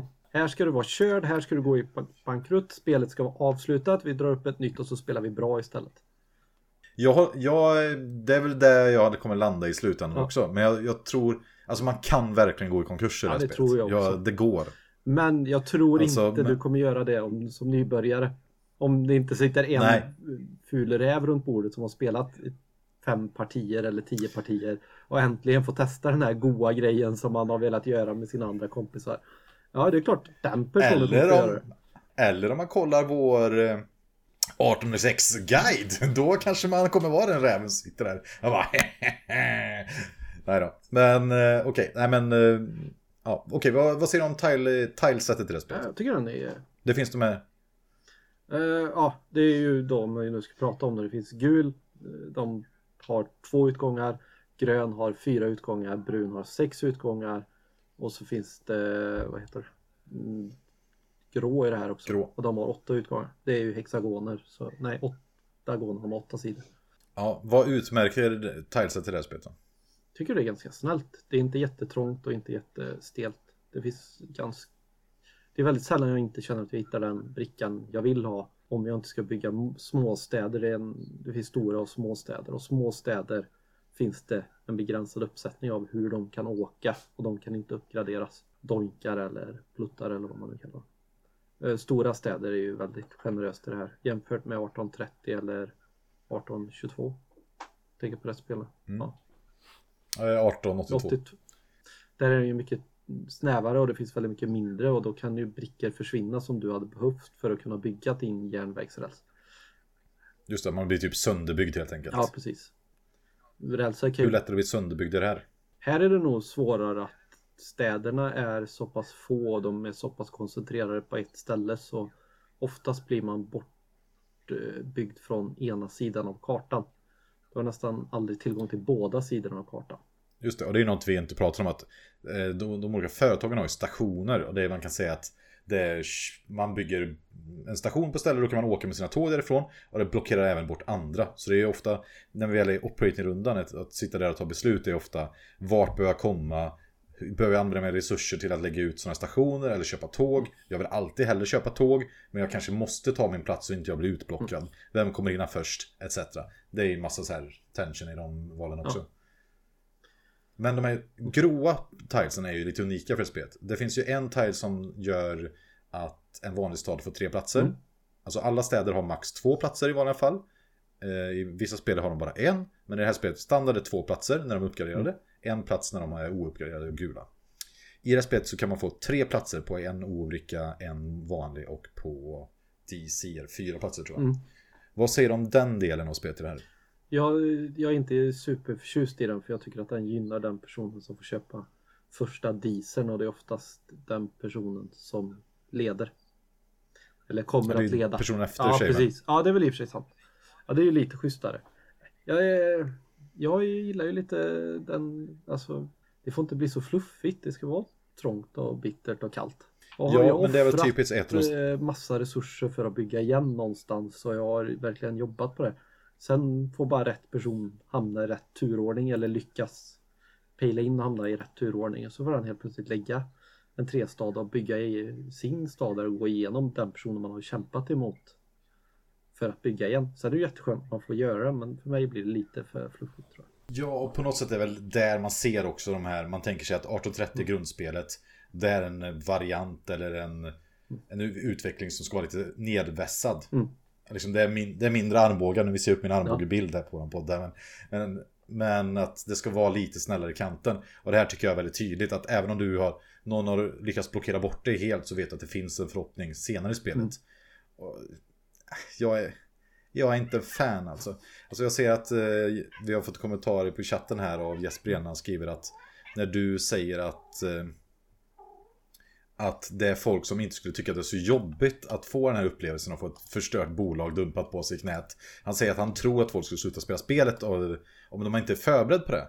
Och är väl, är väl lite så här att man kan bli så fruktansvärt blockerad även i det här spelet. Om man inte är förberedd på det så undrar jag hur man känner inför det med sin liksom eurosinne. Och det är väl lite därför vi egentligen har det här avsnittet. Och det är lite därför ty- tycker jag vi har den här 18x-guiden om just känslor. För det är ju det min 18x-guide på YouTube är. Den handlar om hur ska man känna inför det här och hur ska man ta emot det här. Och eh, jag tänkte jag kan fråga här i chatten för att se om det kommer. Jag vet att Jesper spelade med oss första gången igår. Jag tror att han har ju tittat på Heavy Cardboard vet jag innan. Jag vet inte om han kollat på vår 18x-guide. Var du förberedd Jesper inför våran eh, känslosamt hur det här skulle kännas? Var det, var hur, och hur kändes det? Sen får vi se när han svarar. Det är lite delay. Ja, vad kan vi mer säga om de här? Vi har Men det jag pratat tänker är Tile, att, export. eh, Jag vill bara ta en liknelse. Vi ska ju, nästa spel vi ska spela, eh, nu dyker min katt upp också om ni hör den i, ni som inte tittar. Ja, härligt. Eh, vi pratade lite om det i, vad heter det? Uh, Food Chain heter spelet. Eh, där har jag ju, jag har tagit bort den nu tror jag för mig själv, men jag brukar säga att jag har en sån här fuck off few clause i den. Jag ska kunna när som helst säga att det här spelet går jag ifrån eh, och sluta spela. Det var ett sätt för mig att sätta mig ner och spela. Jag tyckte spelet var jättebra men där kan du bli så ofantligt utfryst och du kan inte gå i konkurs. Du kan inte avsluta spelet. Du måste sitta kvar där i tre timmar till. Jag har aldrig varit med om ett 18x6-spel där jag känner att oj, nu måste jag sitta kvar och lida i två timmar. Det är så här, nej, okej, jag har det här, jag har en chans. Lyckas jag rädda det så är jag antagligen, om jag får det jättedåliga bolaget dumpat på mig, antingen kommer jag kursa eller så kommer jag rädda upp situationen och räddar jag upp situationen då sitter jag antagligen i ett riktigt bra läge. Och där tycker jag att man Ja, där- får vara helt okej med att calla game och det är inte Ser man det som ett misslyckande att gå i konkurs då får man nog fundera lite om hur man spelar spelet. Ja, det är väl några saker jag tycker för att förhöja livet som Arsenal eh, spelar av de här spelen. Att just att säga att Nej, men det här spelet är över, vi spelar ett nytt parti. Och sen kanske inte det är det kanske är någon gång ibland så kanske man kollar ett spel fel. Det har ju hänt. Vi var ju någon gång när vi spelade med Love som har lärt upp oss att spela spel. Eh, jättekul. Eh, han ville ju ge upp. Och så sa vi, nej det här tror vi du vinner. Det här tror vi du har chans. Och sen vann han. och sådär. Men vi har ju den åsikten att det är bättre då att ett spel som har blivit ointressant och man tror det är över. Det är bättre att bara säga att det är slut och sen så finns ju de här hjälpmedlen som vi brukar göra att de sista de här gångerna man kör med tågen då räknar vi bara på papper. Och det tar ju ner speltiden då kanske en timme med, massa, med inga val alls. Och det, det har blivit vårt nya sätt att spela det tycker jag är jättebra. Och även det här att vi Även det med etiken, att vi har bestämt att vi spelar bara för första plats. Mm. Ja, Och att om man ligger i ett en förlorande läge, att det är helt rätt att gå i konkurs. För att det gör att man kommer förlora med mindre än om spelet skulle på, pågå längre. Ja. Och, och det gör ju också om man vet att man alla spelar så, då går det ju faktiskt då kan jag inte kanske dumpa det där bolaget på, på någon för det kommer göra att den personen kursar och vinner jag inte av att göra det då är det ju jättedåligt för mig. Som igår, jag var, fick vänta när vi spelade sist då, vänta med att köpa sexan för den skulle rosta treorna och det hade gjort att någon eh, hade gått i konkurs och Erik hade fem dollar mer än mig och hade fått köra en gång till. Och det gjorde att jag inte hade Ja. vunnit utan Erik hade vunnit. Så jag, hade, jag fick ju sitta där och köpa in ett fyrtåg som jag egentligen inte ville ha på det bolaget. Men gjorde jag inte det så hade jag ju förlorat. Ja, och, men, den, men den delen, alltså, jag tror att den är så ointuitiv för spelare. Alltså, det är ändå krävt för oss att vi spelat säkert 50 partier, diskuterat jättemycket hur vi skulle spelat. Och eh, jag tycker att vi har fått så, så otroligt mycket bättre spel av det. Mm. Ja, alltså jag tycker verkligen att våra spelomgångar har verkligen höjts av att eh, det blir... För det, det, värsta man kan komma av tycker jag, det är när man pratar om kingmaking och så här. Jag tycker att det, det, som är dåligt med att andra personer påverkar varandra. För jag menar, har man interaktiva spel kommer alltid folk påverka varandra och kunna bestämma eller säga, vad som kommer hända. Men att då ha ett att det känns godtyckligt. Det tycker jag är väldigt tråkigt. Att typ så här, beroende på vem Martin är bäst kompis med så är det den som mm. vinner. För mig är det, då, då, då, då spelar vi inte om ett spel, utan då är det, då är det relationsbyggargrej ja. istället. Men att det som händer då är att vi vet att, okej, okay, Martins beslut i den här frågan kommer han ta beroende på vad han tror kommer göra att han har störst chans att vinna. Mm. Eller att avsluta spelet så snabbt som möjligt för att inte förlora med mer. Mm. Sen kan ju vi ha olika bedömningar om läget och det kan kännas jättearbiträrt och allting. Men, men liksom att vi har överens om att det är så vi ser på det. Jag tror att det skulle nog kunna hjälpa många spelgrupper med de här spelen. Ja, men jag, jag, jag, tror det är bättre att avsluta och spela efter det vi har pratat om. För vi har suttit när folk, man ser att de har tråkigt liksom och då, då blir det inte kul. Och den, det är ju, nej, det blir bara kast istället. Våran eh, trogna stream kommentator här säger att han kommer från ett ställe där han inte gillar player elimination men i de här spelen och som i Foodchain där är det nästan det blir så aggressivt så att det blir eh, det är nästan ett måste. Ja, men det, det, frågan är vad man tycker om att spelet slutar mm. i 18 chess. För det bygger på 1830 ska man regel. Mm. Att det inte är slut för bara spelaren utan att spelet slutar. För det har vi egentligen pratat om i typ 10 mm. minuter. Mm. För i 1849 så är det ju bara en person som slutar. Eller får vad, börja om. Vad tycker du? Det, Eller får ja, börja om. Ja. Det är ju mm. kul. Nej, äh, vi har ju kollat de spelen också i stort sett när vi är där. Uh, när vi har spelat 49. Att uh, okej, okay, vi spelar färdigt ja. det här men du har vunnit. Eller jag har vunnit. Eller sådär. Och sen, jag, jag vill hinna testa det här. Hur funkar det på två? Det har ju varit mer för att vi har haft en och en halv ja. timme speltid som vi hade tänkt att lägga. Eller sådär. Så har vi fortsatt ändå. Jag gillar ja. att spelet avslutas. Ja. Jag tycker om det. Ja, jag tror jag gillar, jag gillar nog 49 bäst som har, ja, vi kanske inte vi skiter i att prata om 49, det får en annan gång. Det är ändå det spelet som vi båda har som vårt, tror jag, bästa brädspelare. Ja, det, kom, det känns ju absurt om vi inte skulle ha ett avsnitt om det. Det är ju, det är, vi får ju se här, jag menar, jag höll på att säga så här, vi får se hur många lyssnare som lyssnar på det avsnittet, men så kommer jag på att, fan det skiter vi ju alltså om nu, vi vill ju att, att man lyssnar om man är intresserad. Mm. Vi vill ju ha ett intressant samtal. Tycker vi att det är kul att prata om 49, kommer vi göra det. Vi kanske får noll, noll lyssnare. Ja. Så får det vara. Det är klart att det är tråkigt att klippa podden och allting sånt om ingen någonsin lyssnar. Vi älskar ju att någon lyssnar. Ja, det är jättekul. Och du, jag måste ta upp det innan jag glömmer det, för jag glömde, glömde fast med det här. Vi har ju igen att Måns har gått in och skrivit på vår Facebook-sida. Ja, det är har jätteintressanta resonemang. Mm. Alltså det är jag blir så jäkla glad. Alltså, det är, man helt plötsligt så här får riktade kommentarer om saker vi har pratat om. Och att han har jätteintressanta resonemang kring det. Så har man någonting man vill tycker, skriv som Jesper gör nu i vår chatt. Eller skriv på Facebook-sidan. Vi tycker det är jättekul. Alltså. Det, mm. Jag förstår att man inte ja. gör det. Jag menar, jag har aldrig skrivit någon podd någonsin. Jag läser det men jag kommer nog inte kommentera det. Men jag kommer ju att fundera på vad du har sagt. Eh, som monster då. Man får ha tempo när ja, man sen... spelar Modern Art. Då går det att spela på 20 minuter mer magkänsla än uträkning. Nej. Det stämmer inte säger jag bara. Skitsamma. Vi hoppar raskt vidare till att vi ska prata om Off the Rails här. Mm. Uh, ja, precis. Uh, men uh, Chesapeake, jag tror ändå det är en sak som är jätteviktig i det här. Och jag bryr mig egentligen oftast inte om det. Men när du öppnar lådan, det är fasen ett snyggt spel alltså. Just det, det skulle vi prata om produktionen förut. Ja. det, ja. det, är, det är riktigt bra gjort, det är kvalitet, det är snyggt, det är bra, det ser cleant ut. Eh, eh, sen har vi ju spelat eh, print och det är liksom, spel Det är chunky. Så, ja, vi har ju suttit på dina egna klippta spel liksom, och det är ju vi jättenöjda med och det har du ju jättemöda på. De fungerar ju minst lika bra men om man nu vill ha ett gediget spel så är det här bra jämfört med många andra jag har sett. Inte bara det är riktigt bra. Så produktionen är riktigt, riktigt bra. Det här är ju, tycker jag, ett skolexempel på när Kickstarter är som bäst. Mm, ja. Alltså, de var inte säkra på att de skulle få ihop den här kampanjen. Och den, mot, och sen överträffade den alla förväntningar och fick en kvalitetsprodukt och började lansera i stor skala de här spelen. Den är fantastisk. Men med det sagt, jag har ju tänkt att sälja mitt 18 chess. Ja, är du säker på att du inte bara kommer trycka upp en ny karta och använda uh, off the rails nu då? Nej, det var meningen att det skulle vara en snygg övergång till att vi ska prata om off the rails här. vad är off, after dark, off the rails, mm. kalla vad du vill. Vad är det för något Martin? Berätta. Uh, de har ju gjort de ändringarna, eller jag tror det är sagt att uh, någon kommer att konkursa i, när du spelar det här spelet. Det är liksom grunden, det är tanken med att det ska inte bära sig hela vägen. Eh, så det är nerbantade tåg. Det finns inte alls lika många. De har skippat den där regeln med att eh, skeppa tåg och man får flota, alltså starta ett företag på 50% istället för 60%. Det låter inte som en stor skillnad men den är brutal skillnad. Det är väl de tre stora skillnaderna.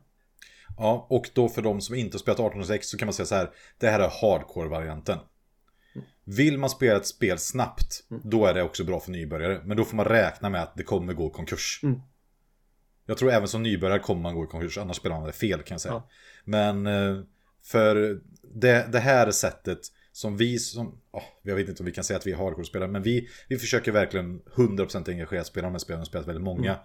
För oss blir det här spelet superintensiv upplevelse på en och en halv timme. Mm. Max. Där man får en aktiemarknadsslakt mm. egentligen. Alltså det, det, är typ, alltså det här lägga spår, ja visst det finns ju där men man vet att någon kommer gå i konkurs. Hur ska jag försöka manipulera spelet så att jag inte går i konkurs först? Ja, precis. Så att rätt person går i konkurs. För, alltså rätt ja. person. Ja, det är det som det är så jäkla svårt det här spelet alltså. Ja, och det är ju det som gör att jag blir riktigt exalterad eh, av spelet. Alltså det är det här som är jättekul och jättefrustrerande samtidigt liksom. Eh, och, ja, det finns så mycket att säga men kort och gott. Ja, men berätta lite om det här frustration och känslan. Vad, vad, liksom, vad, Nej, men alltså, vad finns det? Just det här att jag måste se till att alltså, man spelar på fem. Erik får inte gå i konkurs för då vinner inte jag. Jesper får inte gå i konkurs för då vinner inte jag. Men Pelle måste gå i konkurs. Då vinner jag. Annars vinner Jesper eller Erik beroende på om de andra två går i konkurs.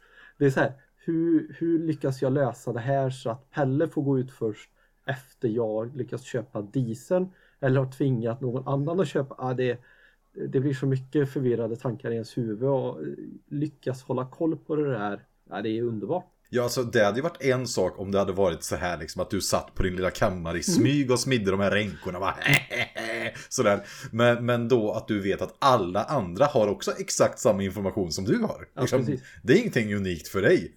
Det är liksom, det, ditt unikt är att du ska vinna. Men mm. inte liksom sådär. Och, och liksom hur, hur ska jag då få till det här för mig på något sätt? Liksom? Det är ju, ja det är helt hysteriskt. Alltså.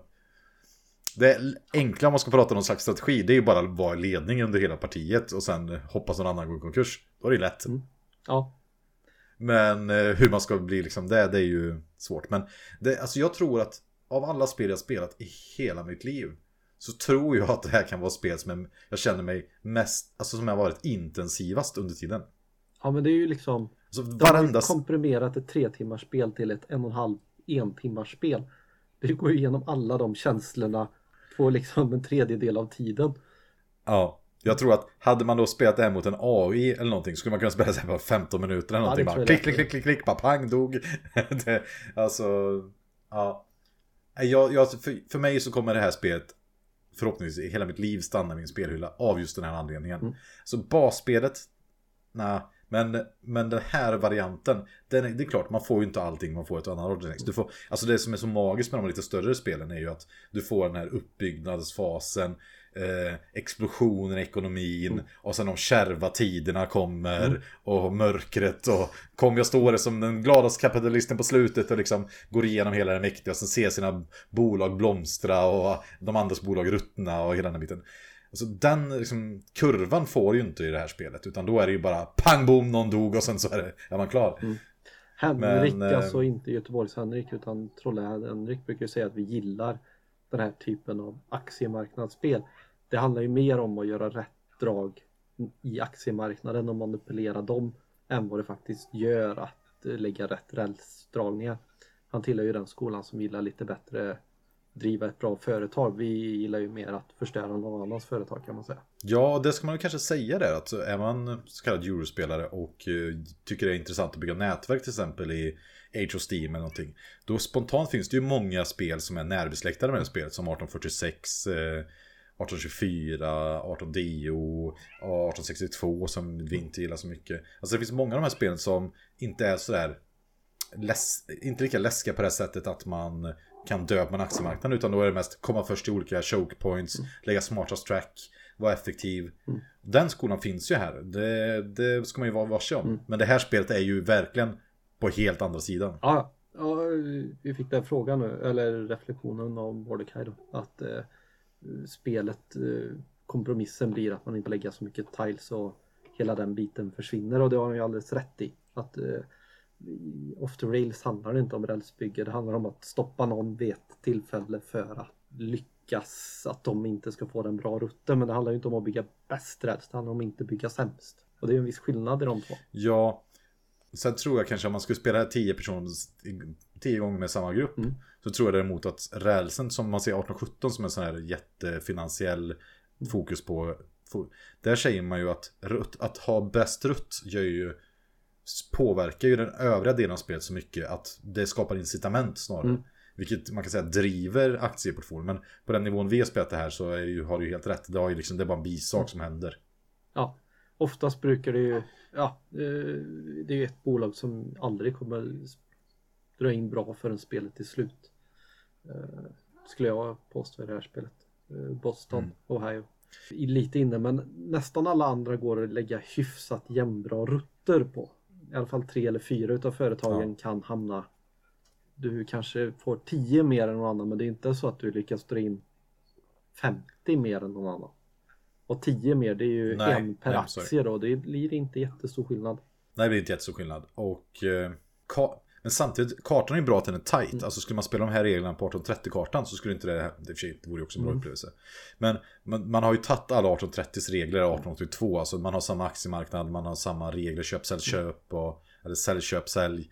Och eh, ja, massa så här olika regler. Och ni som har spelat de spelen vet ju vad det är. Men, men jag kan bara varm, ja, varmt rekommendera den här till de erfarna spelarna att testa the Rails-varianten. För det är ju sjukt snabbspelat och superintressant. Mm. Ja, jag gillar också själva idén att du har i stort sett allting och du kan förändra spelet så mycket med så små ändringar om man säger så. De har ju försökt göra lite samma med 46 mm. och göra det som det engelska, vad heter det då? Som också är lite så euroanpassat. En... Du... Ja, nej, det är du har. Nej. Man är i England. Ja, 62. Precis. Ja, 62. man kan köra flera tåg på samma räls och konstigheter. Men eh, 46 är ju, jag heter ju LA i den andra varianten. Det är också kul när man har att, ja, 62 är att eh, så pass många komponenter är samma. Där måste du skriva ut en ny karta för att kunna spela det. Men eh, annars är det kul att resten av komponenterna är samma så du kan köpa en expansion och köpa en ny karta och ändå bli ett helt annat spel om man säger så. Ja men verkligen. För de är ju inte jättebilliga. Ja, ska, jag tror egentligen... Det tycker jag gör att det här blir ett bra spel. Du kan spela det ja, med lite ja. nyare och du kan spela den här jättehårda intensiva och du har inte bränt 4000 eller någonting. Sen borde ju bara det komma den officiella tungviktarpodden-varianten som vi bara tror rakt av på att ja, alltså kör 1830-regler rakt ja. av på den här kartan med det de här bolagen. Mer, mer, några, några fler tåg, 60% float och sen köra mindre, den här mindre banken mm. var det 8000 någonting. Då tror jag att du har ett kvällsspel med 1830 regler som är ett, ett spel där man kan lära sig alla andra i spel i den här familjen mm. på ett väldigt bra sätt. För det är det är det som är, när man väl lärt sig ett av de här 1830-spelen, då kan du i princip 35-40 mm. spel till. Om du läser en A4-regler. Ja. Om du inte börjar gå på lite extremtitlar och sådär. Vad, eh, hur, nu ska vi se, det vi har kvar att prata om idag är mm. egentligen strategi. Och vi ska även ha ett omdöme. Ska vi prata kort strategi bara i några minuter? Vi är klara med strategitipsen en timme och 39 minuter in i detta avsnitt. Så hoppa dit om ni inte vill lyssna på detta. Så, då säger jag välkommen till vår strategidel och som vanligt vill man inte höra på den här utan man vill upptäcka spelet helt själv då ber vi att hoppa till minut X och minut X kommer antagligen antingen spelas in i efterhand eller att lägga som en kommentar i fältet. Det brukar ofta vara en 10-15 minuter så det är bara att hoppa dit. Vi kommer prata generellt om 18xx strategi och 18 chess off, off the rails där vi har lite att säga. Men med det sagt Martin, vad har vi, hur ska vi lägga upp den här strategin? Vi har inte pratat om den innan. Jag har massa saker att säga. Hur många minuter får jag? Hur mycket vill Men om du säga? jag kör eh, de tre mest uppenbara för mig så kör du de tre mest uppenbara för dig. Och så ser vi hur mycket det är kvar sen. Ja, och ska vi säga, är det då för personer som har spelat det här spelet två, tre gånger? Eller är det första gången? Eller? Eh, nej, två, tre gånger. Ja, inga veteraner jag Men tänkt. eh, jag tänker Ja, lite två, så här, generellt Okej. 18-30 skolan då. Eh, mest aktier Mm. vinner generellt skulle jag säga. Det är bättre att ha många aktier som är lite billigare och lite sämre.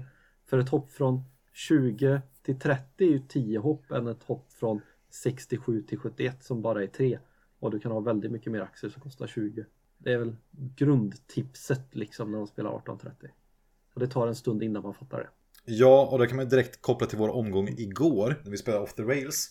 För det är ju som så när man parar sina bolag, då får man välja i då Off the Rails mellan 67 och 100 och i 18 chess är det 70, åt- är det 70, 85, 95 eller något i den stilen.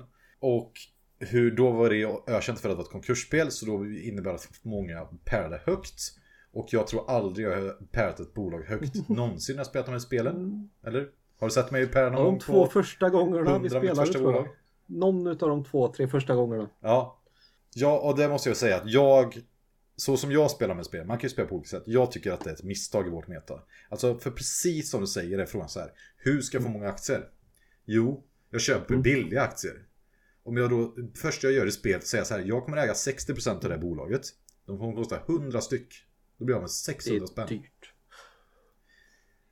Det är dyrt. Om jag istället startar på 67 då kommer jag nästan Mm. ha 9 aktier. Om de kommer göra samma utdelning som de ofta gör i de här spelen i början. Då kommer jag snart ha dubblat mina pengar mot dig. Och, och det är liksom det första grundtipset. Att starta Mm. lågt. Alltså man ska starta lågt och sen får man ta smällen Ja, sen. precis. I Mm. 1830-skolan. Okej, vad finns det mer för tips här då? Vinst nu är oftast bättre än sen. Tänker jag. Det är vi också Just inne på. Att withholda med ett företag och du inte kan köpa ett nytt tåg. Det är ju oftast döden. För då har du inte pengar som du kan driva på Ja. senare i spelet. Eh, Det är väl också en sån här generellt tips liksom. Men det är ju helt okej att göra dåliga Ja, saker. Göra saker som gynnar dig just nu men att försöka göra saker som gynnar dig om två år eller efter en SR. Det är ju inte ens säkert att det är du som äger bolaget längre. Det är ju jättehemskt. Ja. Men det här är ju bygger på din första. Alltså man måste satsa Mm. på nu. Och man måste ha aktier nu. Och det är väl det som gör det läskigt när vi är med vi spelar att vi, ju fler aktier du köper desto Mm. större risk tar du på dig. För du kan ju inte bara själv ha alla, alla liksom, Nej. vara president i alla bolag. Utan du kommer ta på dig jättemycket risk på det här sättet. Hur, vil- vilka bolag ska du försöka investera i när du väl ska köpa de här andra och tredje aktierna som vi pratar om är läskiga? Alltså hur ska man tänka då? Eh, Ja, generellt så är det ju, har den per, den personen som inte har mer än ett bolag brukar vara säkert att investera i. För det är ingen som brukar vilja sitta utan bolag för det brukar vara jättekast. Eh, Det är väl första grundtipset och sen är det så här om en person har ett permanent tåg så är det oftast den säkrare men då är vi så pass mycket längre fram i turordningen. Ja. I början är det ju snabba rutter Ja. som kan ge dig pengar nu om du måste köpa in ett tåg eller sådär. Återigen, risken måste vara nu och den måste vara okej. Avkastningen måste vara proportionerlig till risken nu, inte om två runder eller tre runder när du lyckas lägga rätt räls för att Just komma det. in i den jättestora staden och dra in jättebeloppet. Då, då tror jag du har förlorat. Om du tänker så. För min, min tankegång brukar vara så här. Hur mycket tillgångar har företaget? Och det är ju som du säger. Det är ju hur mycket räls har det, vilka tåg har det. Och så sen och hur mycket pengar har bolaget. Men också vad har spelaren för incitament i övrigt? Kan den, an, kan den dumpa det här bolaget och köpa andra värde, värdefulla saker? Eller är den fast? Den tredje aspekten jag funderar på det är vilket psyke har min motståndare? Alltså, hur, vilka karaktärsegenskaper har den? Är den benägen att slänga någonting på mig? När, det, när den person, om den är i en situation där den inte riktigt vet till exempel Mm. om det är fördelaktigt eller inte. Kommer den då bara, mm, kommer jag bara trigga en försäljning och den slänger på mig? Och frågan är då, Mm. kommer det vara bra? För mig liksom sådär. Eh, och det är ju något som, och framförallt har den och privates är ju den viktiga. Alltså jag brukar ju ofta bara så här, att köpa extra aktier i ett bolag där det inte finns några privates, det tycker jag ju är ganska säkert. För jag menar, vilka incitament har personen att slänga bort det bolaget? Inte jättestora ofta. Ja, när det inte kan bolla tåg då till exempel för att eh, lämna ett tåg, ett bolag utan pengar som är tomt på tåg eller sitter på ett dåligt tåg bara.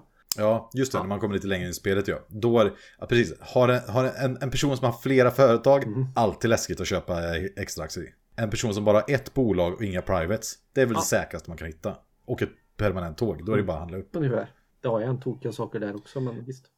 Hur ska man tänka? För jag tänker en viktig sak som jag tycker man borde lära ut är, för jag när alla partier har spelat på internet och alla uttaget med vår grupp, hur ska man tänka i private-aktionen? För det är väl där jättemånga Ja, det spel tror jag avgörs tror jag. Du måste alltid ta ansvar om den personen som kommer efter dig. Nej, före dig. Ja, vad menar du med? Förklara så någon förstår. Säg att man har fem bolag. 1, 2, 3, 4, 5. Om Erik bjuder på 3 och så nästa person bjuder på fyra och nästa person bjuder på fem. och så är det jag, den som kommer efter mig, Erik. Jag vill ju att Erik ska bjuda på bolag ett eller två. Jag vill ju inte att Erik, jag vill ju inte ta tvåan för då kan Erik köpa både första bolaget och tredje bolaget. Just det, och här tänker vi att man vet hur aktionen går. Att om någon köper den första aktien så går, all, all, förs- går alla automatiskt ut till försäljning Ja, som har ett bud på sig. Och då får Erik då köpa två bolag för inköpsvärdet. Köper jag då Eriks bolag, det jag menar med att ta ansvar. Det lägger bud, Ja, det lägger bud på Då kan ju inte Erik bara trigga. Ja, Erik kan ju köpa första då och så kan någon köpa andra. Men Erik kommer ju behöva kriga eller betala mer än grundvärdet för tredje. Och det är ju det här vi pratar om. Den mest optimala situationen är att alla bolag har fått två stycken som tävlar om det. För då får ingen Just det. det. för billigt. För stora fördel man kommer ut är att Nej, precis. Då det, blir det Ja, självsanerande, precis. höll jag på att säga. Så, man ska all, så kortversionen är ju att man ska alltid bjuda på den. den om den personen efter den är själv på ett bud, då ska man alltid bju, bjuda Om du på inte den. kan göra en bättre payoff För då kommer den göra samma sak. Det är ju självklart. Men Ja. då har någon inte tagit ansvar. Om nu man vill ha private sen också. Nej, jag tar ju Ja, hellre... vi brukar även säga att Jag bjuder ju 18 hellre på ett private som jag inte vill ha och försöker driva upp det priset än att en person ska få det för baspriset. Ja, ja, gud ja. Ja, Det även om det måste inte man är ett göra. bra bolag men det. Men, och sen att privatesen är, brukar vi räkna med att de är minst värda 150% av face value. Mm. I 1830-skolan. På ett generellt. Jag tycker det verkar ligga någonstans där. Det är svårt att värdera alla i 18, i 18 Chesapeake. Det, det sen som jag hade velat prata om, den Baltimore Ohio-privaten. Mm. Hur bra är den? Alltså den som är noll revenue, du får en bioaktie, du har face value på 100, du kan sälja in den för 200. Det är en bra fråga. Eh, vet ni, jag fick den igår för 160 va? Så jag betalade 10 för mycket då eh, Ja. i den här skolan. Men jag fick ju en 100 aktie då eller en 67 aktie hade jag kunnat få. Jag fick 100 så jag fick väl max avkastning jag hade kunnat få på den här. Och då var det off the rails-varianten ska man säga. För jag tror att det är otroligt stor skillnad mellan basspelet och Ja, i off the basspelet tror jag i det är ofantligt mycket bättre. För då hinner man bygga Ja. så pass mycket räls så att Jag är, BO blir ett bra företag. I Off the Rails så hinner inte det bolaget bli ett bra företag innan spelet är slut. Eller jag har inte varit med om den.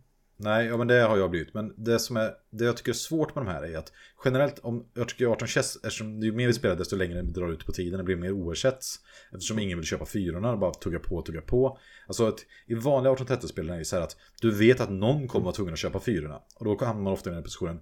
Okej, ska jag eller någon annan köpa dem? Ingen annan kommer köpa dem. Jag måste köpa dem så snabbt som möjligt för annars kommer jag sitta i det här dödläget för långt. I, när vi spelar 18 chess är det så här att om jag köper fyrorna förlorar jag spelet. Om ingen köper fyrorna, då är det dåligt men jag förlorar inte. Därför brukar de ju tugga på ett tag. Och det är ju det som ju skapar den här taskiga inlåsningseffekten. De lägena så tycker jag att när man har sålt in sina privates, de har ju börjat återbetala företagen. Eftersom företagen har kvar de här inkomsten. Och det är det som gör bioaktien så dålig i det här spelet. Att den, det är alltid 200 lån från företaget. Och du kommer ofta behöva Ja, betala tillbaka det Ja, i slutändan. Men, men sen däremot så de 200 kronorna kan du ju ofta omsätta till något väldigt bra. Så på det sättet är den ju kraftfull. Men, men jag tycker att den näst sista privaten som kostar 80 är fruktansvärt mycket bättre än bioaktien. Men jag, jag, jag, jag, vet inte vad jag ska säga. Alltså, jag, jag, har, jag har bjudit mellan 100, 150 på den. Sådär. Och då var den... Alltså, det bästa exemplet kan man göra som Fabian lyckas med ett spel. Det är att han kom med ett bolag, startade, köpte ett permanent tåg, tog ut 200 spänn och sen behövde han aldrig några mm. extra pengar till det bolaget. Då har man ju verkligen lyckats. Då var det ju som att han fick 200 för den.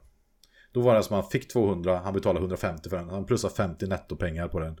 Blev av med de pengarna i början för spelet däremot, de här 150. Men fick en dålig aktie för det. Det är det också som är svårt. Bioaktierna betalar ju inte någonting i spelet. Det hade varit mycket mer spännande om den låg någon annanstans än på just bio.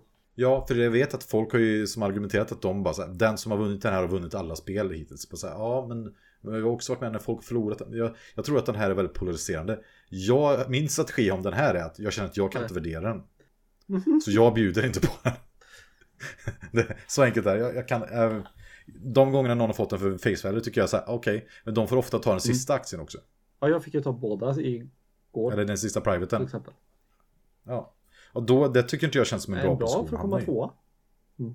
Ja, absolut. Absolut. Men jag menar, för vad, då får du den sista. Vi säger att den, det, värsta, det bästa är väl mm. om den är på bio också. Det är väl drömscenariot antar jag. Bättre. Du får start, för då behöver du ha 300 ja. till där. Och sen så har du mm. uppstart.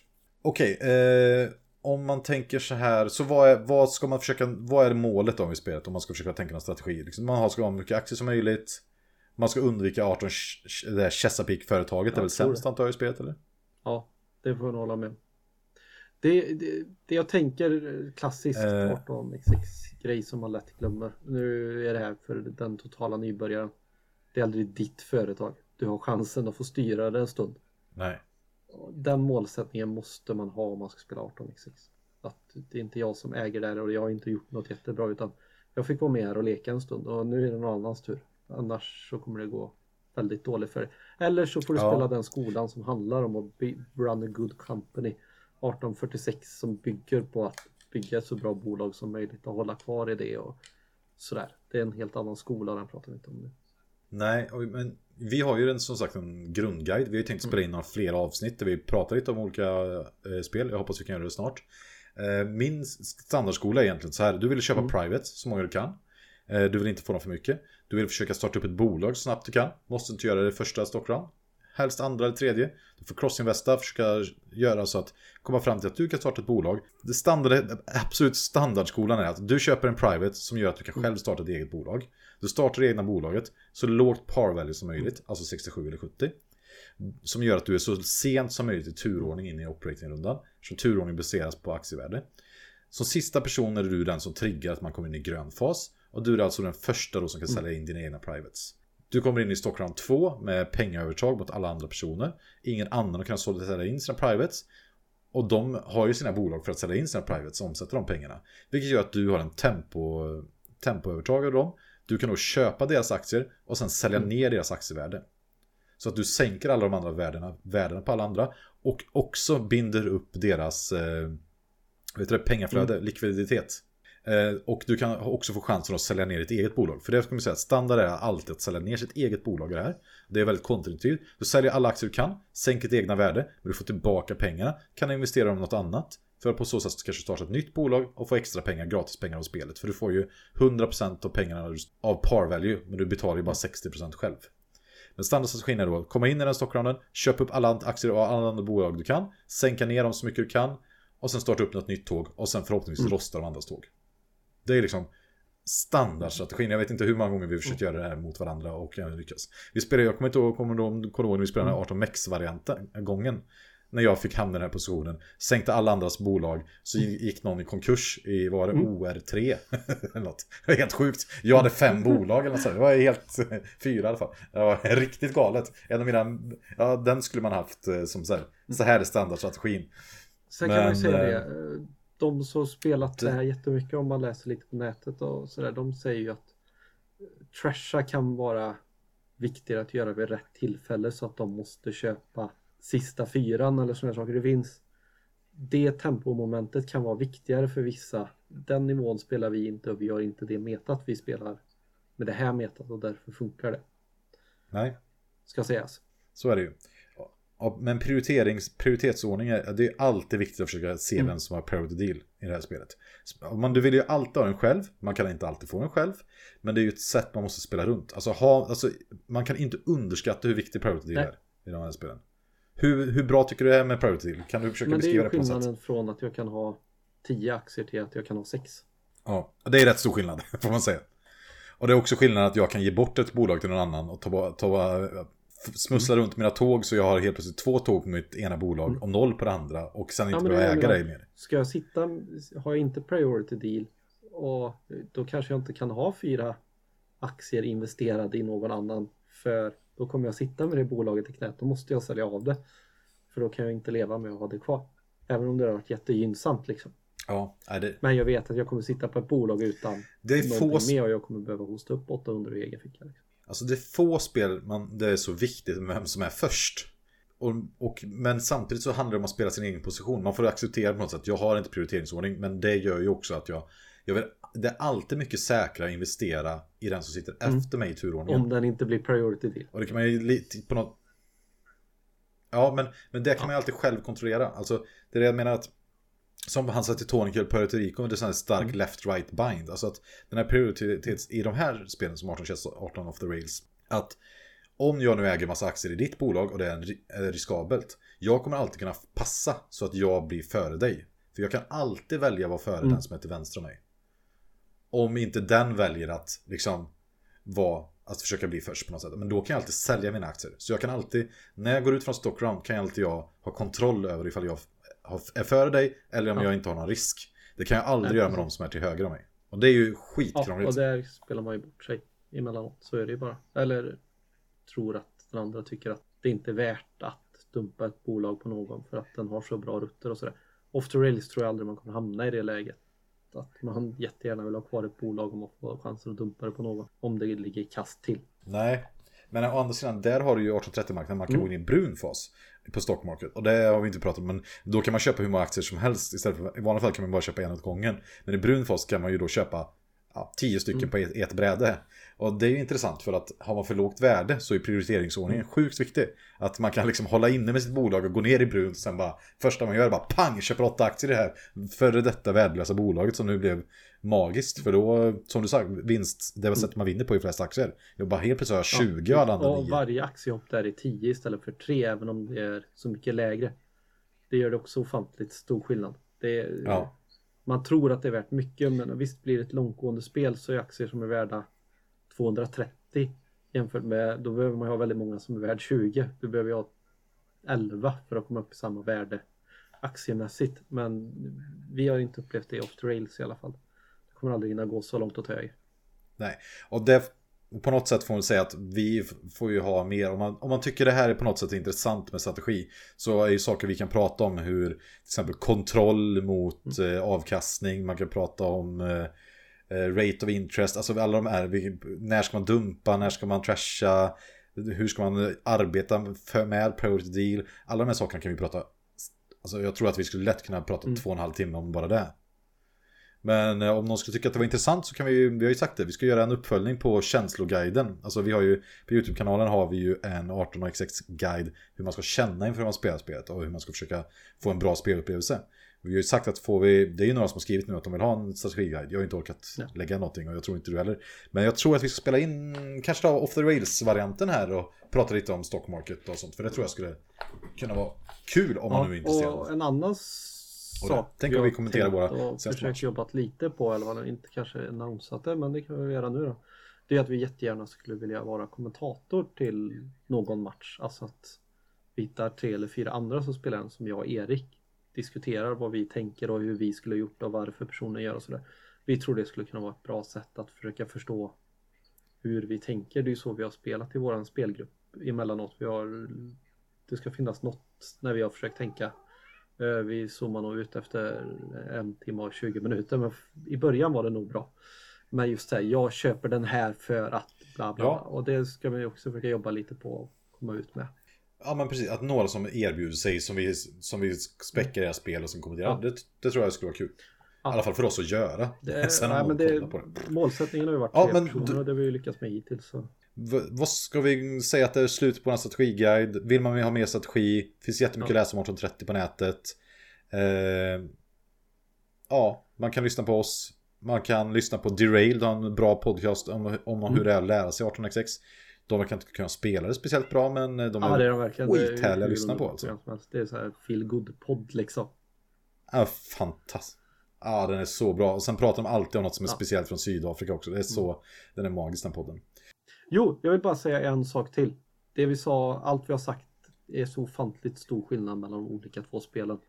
Eh, att trasha och hålla på sådär i Chesapeake, det ska man i, i grundspelet, det gäller inte där. På samma sätt som det gör i Off the Rails skulle jag vilja säga. Nej, Ja, för man blir ledgad hela tiden på... Det är typ bra att bli nedtrashad ofta i 18 chess för att det, det var så här fler Ja. marknader som kör in i pengar.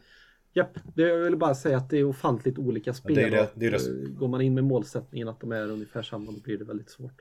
Ja, jag tror det enda som är lika är min standardstrategi. Det är bra att öppna lågt och få Framförallt så är det bäst att vara den första som får Men- öppna lågt så men du blir sist ut. Öppnar alla ut på 67 så Ja. blir det inte lika bra. Så, då är vi tillbaka från strategisnacket och ni som inte vill lyssna på det här kommer nu till att det är dags för omdöme. Vi ska alltså tycka till, till vilka är det här, hur känns spelet, är det någonting att köpa, ska jag ta mina surt förvärvade pengar och köpa 18 Chesapeake, är det här spelet jag ska ha om jag vill spela 1896? Martin Johansson, Ja, definitivt köpa. Eh, gått från att det här spelet kan jag nog faktiskt hjälpa till att betala för att det ska försvinna ur våran spelcirkel till ett spel som jag känner att jag behöver ha i min bokhylla.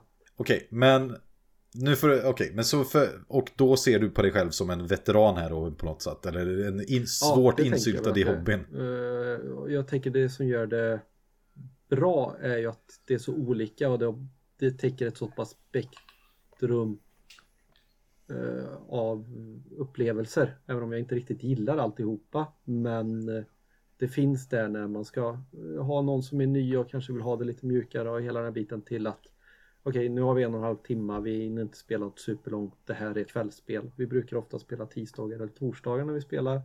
Vi brukar behöva gå och lägga oss någon gång för vi har jobb och sådär som vi behöver upp till. Då är det perfekt. Det här kan vi spela liksom. Om man är nybörjare, tycker du att det här är det 18 tycker jag spel det. man ska köpa? Om vi Mm. reser igen. Nu för tycker du har... Är det bättre än 1889, 1830? 1889 kommer komma Kickstarter snart till exempel. Är det bättre än det här? 1882? eh, Jag vet inte, det, det är nog lite hugget som stucket. Men det jag gillar är att du får den här extra varianten. Du får två spel i ett i stort sett. Jag vet inte hur mycket extra det kostar för att köpa Off the Rails. Jag tror det kostar 7 dollar Ja. i en aktiemarknad man kan printa ut själv. Alltså det är...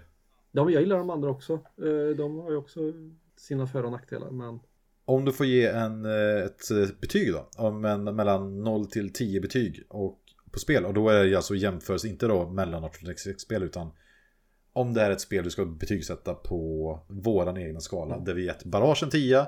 GVT Mm. tror jag att du gav en 8. till slut ja. Till slut. Ja, den har jobbat upp sig bra alltså.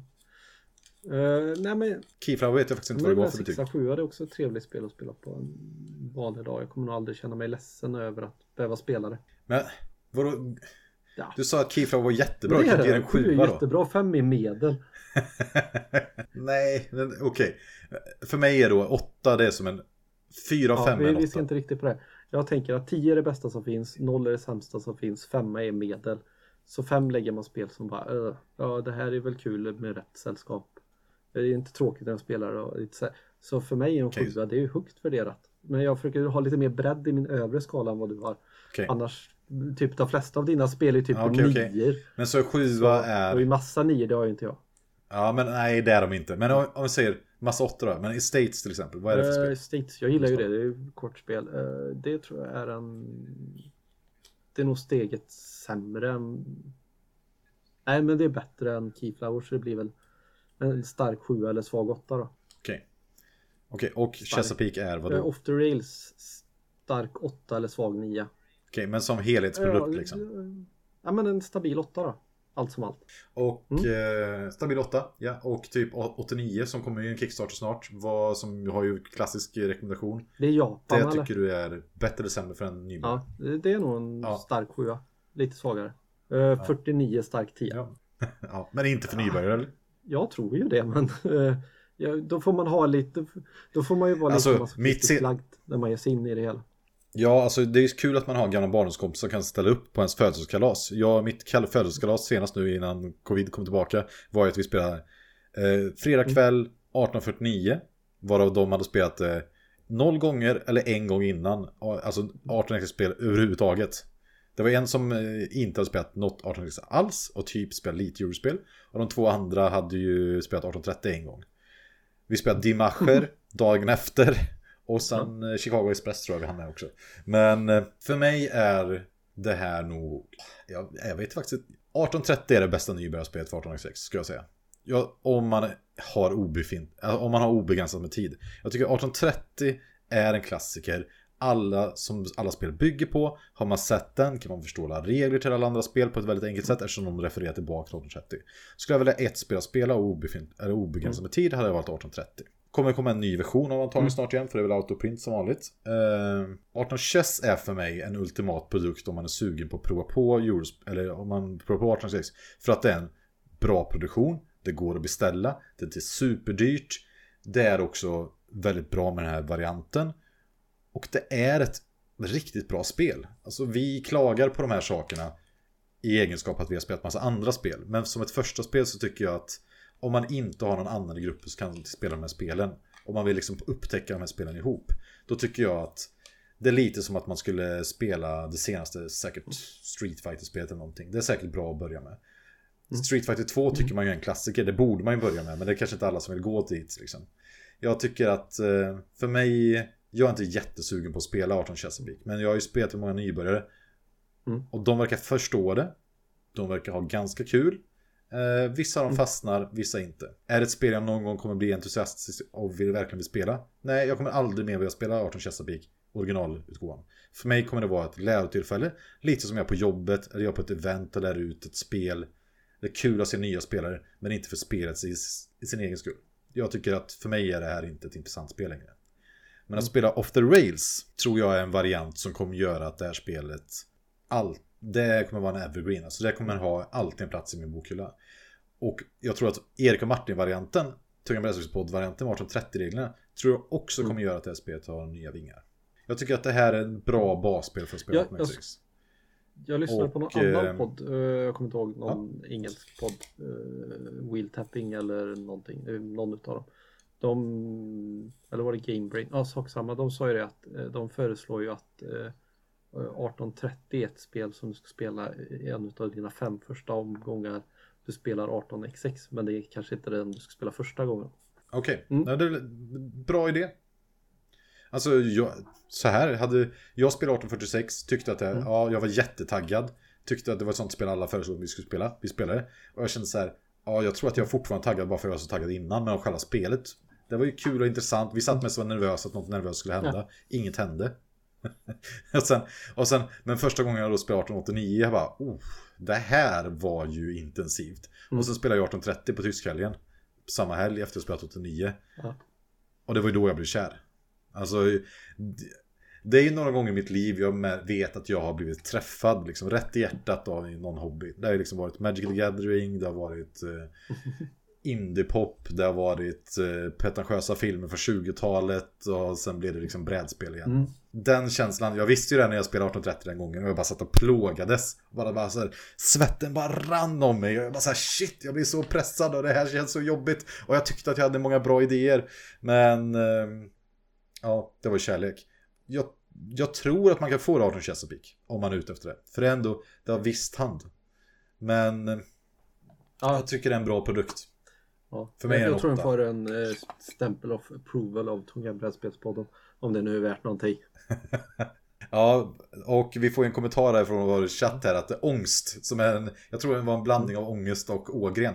Ja, men det här spelet har ändå det i förpackning. Och den här varianten som jag bara varmt kan rekommendera. Skulle jag spela 18 chess, jag tror att hade jag varit helt nybörjare så hade jag provat spela 18 Chesapeake tre gånger. Mm. Och sen hade jag provat varianten en gång och sett om det blivit en skillnad. Hade då inte varit en skillnad mellan varianten och 18 Chesapeake, då kan man säga så här, då har ni ett Mm. unikt meta. Det behöver inte vara rätt, behöver inte vara fel, men man har ett annat meta än övriga världen. Det som också är så här helt underbart i covid-tider. Ja, det var egentligen man inte- Säga. Och vi har pratat om det förut, men 18 XX Games liksom. Eh, skriv till oss eller någon annan. Det finns brädspelsforum. Ni kommer kunna hitta någon som är villig. Vi har pratat om det. Vi kan tänka oss att lära ut spel. Eh, vi gör det gärna igen och det, vi gör det gärna eh, och prova. Starta ett eget. Kör tre gånger innan ni spelar med någon annan så man lär sig vad som händer och sådär. Liksom det, det är gratis, bra implementerat. Reglerna gör att man inte kan eh, misslyckas allt för mycket om inte spelet blir korrumperat för man spelar någon alfautgåva liksom. Men det står klart och tydligt. Och, nej, helt underbart. Måste man säga. Om man nu ska försöka hitta något positivt i de här covid-tiderna och eh, är okej okay med att leva på nätet och inte bara leva i pappersform. Liksom. Ja, nej men det har ju faktiskt varit eh, helt fantastiskt och det som är så roligt så måste vi säga igen att att community är ju det finns ju en en tanke om att det är så elitistiskt att spela de här att det är mycket vi har ju inte alls satt upp det i den här att det är mycket att man måste vara jättesmart, man måste vara jättebra på matte och sådär och det stämmer ju inte alls. Och det som är framförallt att folk är så välkomnande och varma och vill att man ska vara med. För de är ju personer som kanske inte haft någon som spelat med. Man har suttit själv i sin spelgrupp i åratal mm. med ett 1830 liksom. Och har inte haft någon att spela med. Så jag har aldrig blivit så varmt välkomnad mm. i en community överhuvudtaget. Och den mm. känslan är ju fantastisk. Alltså här, vill man verkligen nörda ner sig i någonting så är det ju här ju en fantastisk spelserie. Vi pratar om flera hundratals spel, egna regler, men du har bygger på samma system. Och jag ser här i vår chatt här nu så skriver de att eh, de har ju faktiskt Göteborgsgänget som vi säger, de är blivit frälsta av 18 Chesapeake just. Och det ska vi säga, så vi har faktiskt exempel här på som har börjat älska spelserien. Och jag ska även ta upp min Facebook. Kan inte du säga någonting om det här med att vi har haft eh, livepodd idag? Eh, vad, ja men det var kul. Det? lite mer planerat tror jag så kan det nog bli riktigt bra. Eh, sen om det kommer folk eller inte, det är, vi är bara glada. Det är jättekul och vi får jättetacksamma till Fabian och Mordecai att de är med. Eh, och vi kanske får lägga in en sån här uh, tio minuter på slutet så bjuder vi in alla som har varit med i vår chatt till vår Discord-grupp så kan de vara med och köta och så får de säga vad de tycker och tänker och sådär. Det skulle kunna vara en rolig slutkläm eller vi har eftersnack en halvtimme som inte kommer komma med på podden eller någonting. Det där tycker jag är om. Alltså vi gillar ju det här. Jag gillar ju det här eh, att föra ut budskapet om spelen ja. vi pratar om. Och det är väl någonting jag vill egentligen vill prata om nästa gång. Att säga, varför gräver vi i massa gamla spel? Varför håller inte vi på med alla de nya och det här? Det här skulle jag prata om. Det var allt från tågälskande individerna i Tunga brädspelspodden. Vi har nu försökt förklara för er varför vi älskar de här spelen. Och vi hoppas att ni tar chansen, börjar spela på 18 Games, hör av er till oss, är med, låter oss prova med er och börjar upptäcka den här underbara delen av brädspelshobbyn. Nästa gång så kommer vi komma tillbaka med Food Chain Magnet och Ketchup-expansionen som vi har nu röstat fram och vi har spelat en gång. Det gick åt skogen för mig. Jag är jädrigt taggad på nästa vecka när vi ska spela nästa omgång och jag är sjukt taggad på att prata om Spotters Food Chain Magnet. Och det var allting från mig. Nej, har du något slutord Martin? Det som jag tror kan slå i 18x6 eh, generellt det är väl Splotter. Det är ju någonstans, eh, ja det finns någon eh, kärlek där i brädspelsvärlden som jag nog inte har från någonting annat. Och det gör ju att man är så himla taggad för att få spela Foodchain igen liksom. Och tack för att ni lyssnade. Med kärlek, tack för att ni lyssnade.